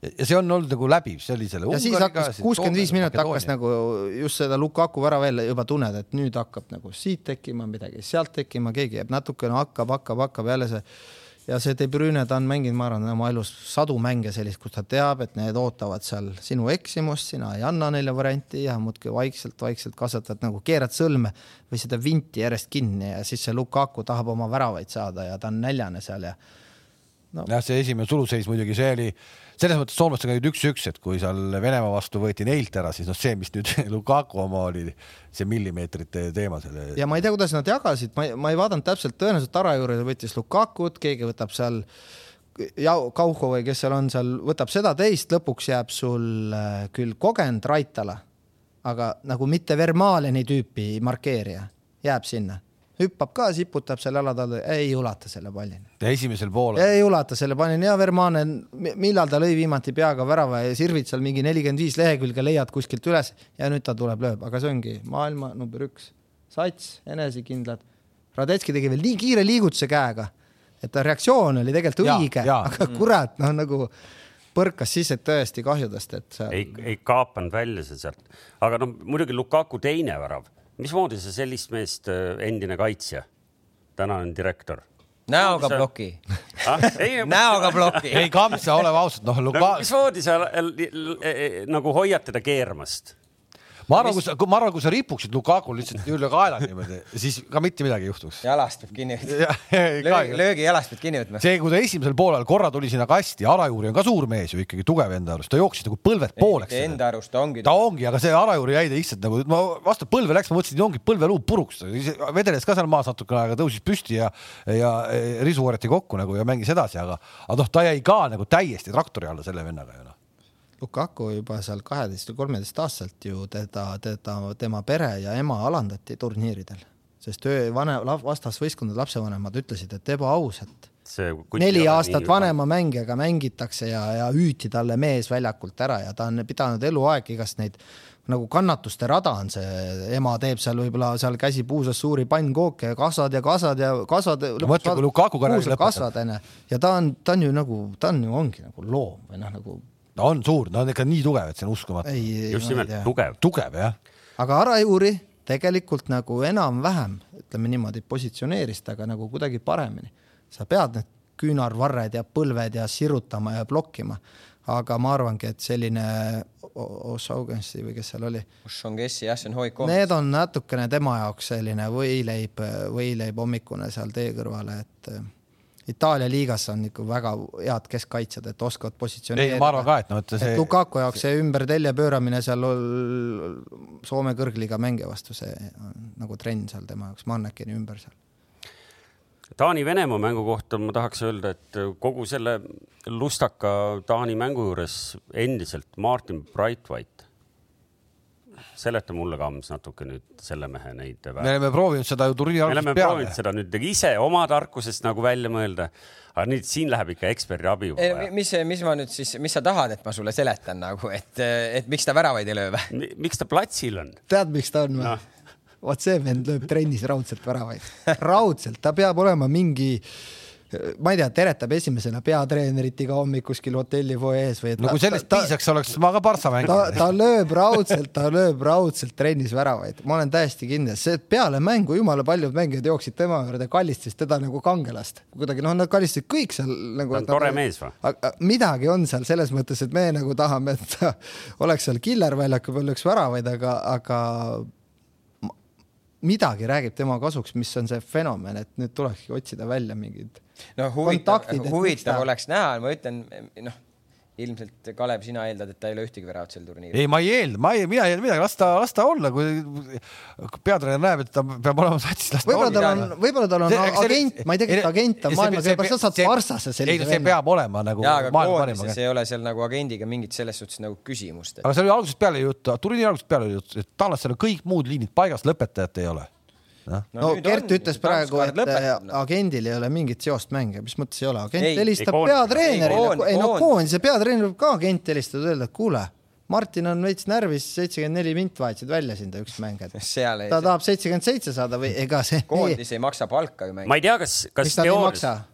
noh, ei maksa ju otseselt. kuule Nad ei, me maksa, põhimõtteliselt me põhimõtteliselt leppisime kokku, et Venemaa oligi kehva. ja, või Äh, selles konkreetses mängus, vaata seal esimesel poolel suht alguses äh, Golovin või? oli moment nad, läksid oli kolm-kaks moment, oli ja lõi moment, täpselt Oli moment. äh, sülle Smichelile. Oli moment, seitseteist minut Golovini, Golovini moment. ehk et noh, et kas teoorias tegelikult, kui oleks venelased sealt üks-null minema saanud, kas oleks võinud ka teistpidi minna või tegelikult me nagu teame? vaata, ma ütlesin, et see Kopenhaagen on venelaste vastane, et see, nad ise ütlevad peale mängu, et sellist atmosfääri ma pole varem kogenud, see oli korralik katel seal ja see venelaste kasuks ei tööta, kui ja aga no kujuta, aga siis ongi, et noh, et kus, et noh, see näitabki tegelikult seda, et venelastel, et noh, et sa ei saa jääda oma koduliiga paganama pusimiste peale ja värkida, mis, no mis, mis, mis, kui suur kate see nüüd, noh, okei okay,, äge kõik oligi, aga see ei ole ju mingisugune nagu, ma arvan, see Ungari kate on palju hullem seal, noh. ma, ma arvan, et seal, ma vaatasin seda mängu, seal ikka need tripkad hakkasid nagu kõikuma ja, ja, ja kui me otsime seal seda põhjust, miks see tagasisööt Paulseni ala läks, sul kaob see nagu asi ära sealt tagant, see mürg oli sees. tagasisööt Paulsonile, et äh, sa söödad sinna värava peale seda, ma saan aru, et tänapäeval kõik isegi. no Märten, Märten suutis, söötis ka väravasse palli ja. tegi valesti seda ju, ta tegelikult ei tohi sinna sööta. see on nagu Venemaa koondise mees söödab sinna, kusjuures väravavaht oli liikunud õigesse kohta ju. väravat. Safonov, Safonov oli ju ääre, väravast väljas, eks, et anna mulle sinna nagu. seal on vaja väravahti treener, peatreener, keskkaitse, väravaht peab olema sünnenergia, et kui on see tagasisööt, kas väravaht tuleb raamist välja, tekitab abinurga, tegelikult väravaht, ma ütlen selles olukorras tekitas abinurga, sest tema ju nägi, et Paulsen jalutab. Tema Nii. Näeb, et see ründaja on seal, ma pean sellest ründajast natukene nurga kõrvale tõmbama, mida see kaitse nagu kuidagi nagu ütles mingi nurga alt kadus mul see nagu Paulsen ära, Paulsen ütles ise ka, et see oli üks moment, kus ma ei jaksanud tagasi töötada. no saad aru, et sa longid seal onju ja siis pannakse sul. ja üks keskpooli või üks keskkaitsjatest, kes selle wingbacki külje all oli, kes oleks võinud teha kaks-kolm sammu ja küsida, siis tema oli täpselt sellises kehaasendis, et vii see pall sealt tagant läbi ja vaheta määrt ja ma natuke puhkan, sest see Taani surve oli nii võimas või, või nii intensiivne, ütleme siis niimoodi. Ja siis see koogel-moogel ongi seal koos, et sinu mingi teooria on lükkan sinna, kus väravaht on, väravaht tuleb välja, sest kurat, mul on siin Paulsen, teen nurga. aga miks sa selle ära kaotad, on see, et see pinge on kasvanud nii suureks selles mängus, et äh, sa lihtsalt lükkad selle söödu, et korraks nagu puhata, et sa oled nagu väsinud, sa lükkad selle palli sinna tagasi, tahad hingata, stata kohiseb, need hakkasid vahepeal niimoodi liikuma inimesed, mitte üles-alla hüppama, vaid sul seal hakkab virvendama, seal sa ei, ei saa nagu ja lihtsalt see pall lähebki niimoodi sinna ja- ja pärast laiutad käsi ja kümme aastat ei sööda enam niimoodi. no meie, meie mängus juhtus see ju teisel minutil põhimõtteliselt. jah, siis ei olnud väsimus. aga, aga tõenäoliselt Märten Kuusk ei olnud veel A-koondises nii valmis, kui ta see kevad oli valmis. et ma ei ütle, et tal oli seda mängu vaja, aga, aga see mäng kindlasti nagu õpetas neid mõlemat seal, et nad said väga korraliku õppetunni, arutatakse mingid asjad läbi ja tõenäoliselt Märten Kuusk, ma väga loodan, et ta Einaga, et noh, nad ei korda sellist asja enam, see ei ole nagu võimalik. aga Ja- tuleb Baskotši, ta võib seal Igo, Igoneniga koos mingisuguse asja korraldada, kui pinged on väga nagu kõrgel näiteks, et, et, et ootused on suured. Ja minu, mina olen aru saanud, et sellistele Baskotši-sugustele need, need ju ainult sa, nendele tambitaksegi seda pähe, et sellises olukorras sa ei hakka, sa ei sööda, sa söödad kasvõi otsa out'i selle, aga sa ei sööda seda värava peale. ei, ei pruugi olla sellepärast, et erinevatel klubidel, ise, isegi klubi filosoofia või treeneritel, mõni seal Tottenhami akadeemia treener, kümme aastat väravahteid treener olnud ja tema ütleb, et sina söödad sinna, väravai ülesanne on teha see kontroll, neid teooriaid on erinevaid, on variant väljast, raamist välja sööta, on variant raami peale sööta ja see on nüüd jälle, me ei tea seda, mida kokku lepitud on või räägitud on, mõnikord ei lepitagi kokku, vaid eeldatakse. Ja siis Neuer, Emre Can lahendavad ära või, või, või seal Ginter keegi. aga seda tüüpi mängijad, see oli ju ka uus väravaht oli jälle ju, nad otsisid satsi ja, Venemaa ja, ja, ja, midagi pä ja päeva lõpuks äh, ma- arvan, et ma võin siin hakata lugema nimesid ette, võtame näiteks isegi koondises Enar Jääger, võtame Ragnar Klavan, noh, mingi hetk keskkaitsjate puhul see tõenäosus on, et selline asi nagu juhtub. Belgia küpsetas ka ju, kellega nad mängisid enne EM-i valikmängus äh, Courtois'ga seal küpsetasid mingisuguse kukli kokku seal, lükkasid sinna värava ette selle palli seal, Courtois vaatas seal lolli pilguga seal mingi jama oli, mingi värav neile löödi minu meelest sealt.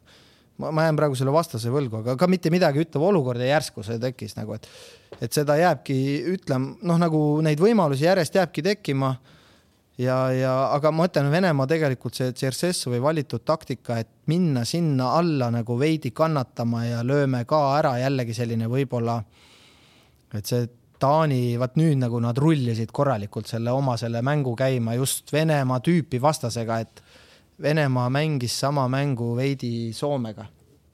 domineeris, initsiatiiv, loome momente ja tänasel päeval Venemaa tõenäoliselt ei ole nende see mentaliteet või poolikute see häda ongi see, et na, me, nad ei ole nõus ikka ilma pallita väga kaua mängima ja seal hakkab seal mingi asi kriipima ja ei tule ja ei tule ja see ta, Taani oli, vaatad ühte arv, arvutis, ühes väljaku otsas joostakse lihtsalt konkreetne, see tempo pandi niimoodi peale, siis see Kristjansen paneb veel jalapealsega selle larraki sinna võrku veel.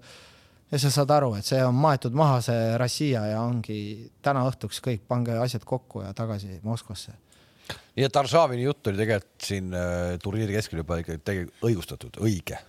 Tšertšessov ütles. üle meie enda saated, ma arvan, et me ütlesime enne esimest mängu, et siit Venemaalt ei tule midagi. Tšertšessov ütles väga huvitava lause seal mängu ääres kommentaaris, et meil on tulevikku küll kõvasti ja siit on ainult nagu positiivselt edasi minna, et meil on siin noori kotti, kutte küll. see Muhhin, kes sisse tuli see moment, kui neljas värav löödi, see oli kastis, hüppas tagumikuga, üritas blokeerida seda lööki, ta seljaga, ta, saan midagi aru. üheksateist aastane on, hea küll, noor talent, Lokomotiiv Moskva, aga see, selle peale sa ju ei ehita mingit lugu või, või millest siis Tšeršessov rääkida tahab, et me kvalifitseerume jätkuvalt või et me siis lähme ka alagruppides tulevikus edasi, et ma sellest lausest aru ei saanud. aga eks nad pihuks ja põrmuks seal see meedia teeb praegu, see on selge, et ja, ja Venemaal võib-olla, mina arvan isegi väike mingisugune auk võib tulla siin, et mingi teine koondis, keegi vahetab nad finaalturniiridel välja, ma ei tea, kuidas neil seis on seal MM-i alagrupis, aga nad ei pruugi kvalifitseeruda sellise koondisega. no nii, aga nüüd on tõesti kell sealmaal, et, et vaatame kiirelt üle tänaõhtused Inglismaa, Tšehhi, Horvaatia, Šotimaa, Horvaatia, Šotimaa, ühesõnaga ütleme siis ära, et Tšehhi ja Inglismaa nelja punkti peal ja, ja horvaadid ja šotlased ühe punkti peal, nii et seal šotlaste jaoks ka loomulikult tähtis mäng, aga meid huvitab Inglismaa. no seal šotlaste, hakkame sellest peale, et seal koroona on hittinud vist ja, ja see on vist lükanud eemale ka paar inglast või? no seal tead, ma, lugesin, ma ei tea, kui palju te jõudsite lugeda siin vahepeal, aga, aga seal see case ei ole nii lihtne, nagu tundus, et nagu. et rääkisid juttu peale ja, mängu seal ja. peale noh, väljakul muru peal natuke juttu ja embasid seal ja ehk et äh, seal on nagu mitu aspekti, üks on see, et esiteks nad ka hängisid peale mängu kuskil veel koos. ehk et sealt, sealt tuli see välja ja sealt tuli ka see isolatsiooninõue. kõige veidram on see, et isolatsiooninõue siis inglastel iseendale kehtestatud, noh, seal siseriiklikega on rajum kui šotlastel noh, kes toimetasid ka sealsamas, eks ju. nii et šotlased ei ole iseennast rohkem peale Gilmore'i enda kedagi isoleerinud. inglastel on siis väljas äh,. Chilwell. Chilwell ja Mount. Mount. ja, ja Mountist kindlasti tuntakse puudust, noh, ma arvan, et siin äh, Grealish'i fännid loodavad, et see annab talle võimaluse tundub, et enamus arvab, et hoopis ikkagi noor Jude Bellingham saab pigem selle võimaluse ma saan aru, et Kralishile heitakse ette, et noh, ta ei suuda nii palju tagasi töötada, kui. sa paned Jude Bellinghami äh, algkoosseisu? no ütleme nii, et jah, ma panen praegu ehk et noh, lugedes, mida seal arvatakse, et mis, mis lahendus võiks olla. ma ise, olles natuke nagu võib-olla Kralishi fänn, noh, ma tahaks võib-olla ise näha teda pigem. mul on jälle. Arendus saab võimaluse. me ei näegi Ben Chilwelli vähemalt alagrupi turniiril no finaalis, finaalis. ma arvan, et Grälis, Grälis saab äh, võimaluse, sest äh, Southgate'il on võimalus ta välja vahetada poole ajal või midagi, et ma arvan jällegi, et see esimene poolegi ei ole nagu nii, nii raju ei tule seal Tšehhiga, seal hakkab selline veidi võib-olla passimine. no eks tšehhid ikkagi Neil ei ole otseselt selge vastus. enda, enda mängu mängimas ja hoiame kaitses enda asjad korras, liinid kompaktsed. nagu Itaalia vastu. las need inglased seal midagi reguleerivad, aga, aga ma ei, ma ei näe, et nagu võib-olla neil tänasel hetkel ka oleks nii palju kvaliteeti, et me lähme mängime lihtsalt inglased üle, seda ma ei usu noh Nad ise, ma arvan, teavad ka seda peale seda Itaalia mängu, nad said aru, et neil ei, ega ei saa. ja, aga samas noh, ega inglastel on ka probleeme, eks ju, noh, kuidas ikkagi Harry Kane mängu tagasi tuua, eks ju. kuule, inglastel on väga palju probleeme. ja, ja, ja Kalevi lemmikteema, eks ju, et kas äkki ongi parem noh, alagruppi mitte võita, eks ju, et noh, kes, kes peast ei tea tabelit, ma kritseldasin endal kiirelt siia, et et kui nad võidavad alagrupi, eks ju, siis nad mängivad edasi äh, Wembley'l ja neile tuleb vastane, eks ju, teiseks äh, jääva, jääv sats alagrupis, kus on prantslased, sakslased ja Portugal, eks ju, me kõik teame. kui nad jäävad teiseks, siis nad lähevad Kopenhaagenisse ja mängivad päev varem ehk et üks, üks päev vähem ka puhkust ja lähevad sinna, vastaseks tuleb neile Hispaania, Rootsi, Poola, üks nendest, kes jääb seal teiseks nii et noh, siin. no kui Hispaania valik... sealt tuleb, siis. just nimelt noh, nagu oleks mingid valikud, aga tegelikult noh, sul ei ole mõtet nagu hakata siin nagu. inglased lugu... peavad ei, taastama au ja hiilguse. ei olegi üldse sellel tasemel, et midagi valida. inglastele antakse midagi valida. inglased tahavad taastada au ja hiilguse. Souket ütles, mina Keini ei torgi, Kein on suurem kui keegi teine siin satsis, sest kui ta kaks mängu pole löönud, siis kolmast ta lööb aga noh, mis sa ikka peatreeneri muud ütled, et kuidas sa praegu ütled, jaa, et Kein ei ole siin ja midagi ja siis on jälle lugu. Southgate on kaotanud usalduse Keini vastu. Sama, ja kohe Mikker Kein, mis sa arvad asjast? sama, mis, sama, mis me selle Murata kohta rääkisime, enam-vähem sama olukord. Southgate ütles, et neid lugusid Keini mitte värava löömise järel on nii palju olnud et mul on hulga lihtsam öelda teile, et ta on minu mees, kui see, et hakata mingit ja siin ta ei avanenud nii või ta tõenäoliselt on raportid täis, kui, kas ta on passiivne või ei liikunud või midagi, inglased on ju hullud seal statistikas. aga noh, nüüd vaatad seda ja siis vaatad, aga see on Harry Kane. Ja Harry Kane lõpetab treeningutel ülihästi, vot neid videosid ma olen näinud, sest inglased näitavad äh, väga palju oma tegemisi, koondise trenne, kui tahate, kellel on huvi, vaadake, leiate üles internetist näete, kuidas nad seal on arrogantsed seal ülikondadega, seal seda fa-fa'd on ka selle koondise ümber, aga kui läheb lõpetamise harjutuseks, Harry Kane ja Rashford on perfektsed vennad no ma loodan, ma loodan, et sul on selles mõttes õigus ka, et see nüüd paistab siis selles Tšehhi mängus välja. ma šotlastele väga palju võimalusi horvaatide vastu ei paku kogu lugupidamise juures. Šotimaa palju kannatanud rahva vastu ehk et eriti veel ilma Gilmorita ka, kes, kes no okei okay,, ühe mängu tegi väga särava, teises noh, nüüd ei olnud nagu maailma kõige säravam, aga ikkagi. Ehk et äh, igal juhul täna õhtul. Šoti lööb ühe ära, ühe lööb see oleks tore, sest nagu ma ütlesin, et siin nagu nad ise juba läksid nagu natuke lendama ära ja siis tuleb neil meelde tuletada, et okei okay,, et tegelikult te olete ühe punkti ja null värava peal praegu, eks. nii ja kiiresti ütlen ära siis ka see, et Inglismaa alistab Tšehhi Betsafe'is uue kliendi pakkumine, koefitsient on kolmkümmend viis, ühe euro saad panna, kolmekümne viiese koefitsiendiga Inglismaa alistab Tšehhi ja. kas see lebab maas ka nüüd või? vot siia taha ma seda numbrit ikkagi ei pane, et, et ta lebab maas, aga, aga proovida võib. selline pakkumine on ja loomulikult siis betsafeliga.ee hämmastusega vaatasime täna hommikul. mina olen tõusnud, mina olen tõusnud kahekümne kuuendale kohale, Toomas on kahekümne esimesel kohal ja see nüüd tähendab ikkagi seda, et need elektritõukekad hakkavad väga lähedale jõudma. televiisor teisele kohale, elektritõukekas esikohale, kaasaskantav kõlar kolmandale kohale, betsafeliga.ee, seal on mängijaid juba üle tuhande ühesaja. see, see meenutab seda vanat Eesti vanasõna, et ärgu olgu sul sada sõpra, vaid olgu tuttav IT-mees sest tundub küll, et siin mingi väike punkti, mul ei ole, minu, minul on kõik õige. punkti arvutamise kala on sisse tulnud ja ma arvan, et ma oma kahesaja kahekümne punktiga vist ikka kahekümne esimene ei ole tegelikult no ma ei tea, praegu prot-. kuigi noh, tegelikult mina tean, mina tean seda, et protokolli ei valeta, protokolli ei valeta, mul on kakssada punkti ja ma olen sellega praegu hetkel kahekümne kuues vist. Vähemalt protokolli valeta. jah, aga kuna nüüd peab, peame tõepoolest lõpetama hakkama, siis selle loo, kust on pärit üldse tsitaat protokolli valeta, selle jätame teile järgmiseks korraks. me tuleme järgmine kord eetrisse reedel, kahekümne viiendal juba jaanipäeva järgselt välja puhanuna, õhtune aeg kell seitse pange see endale kindlasti kalendritesse kirja. tavalisest veidi erinev aeg. ja ühesõnaga aitäh. aitäh. nägemist, nägemist..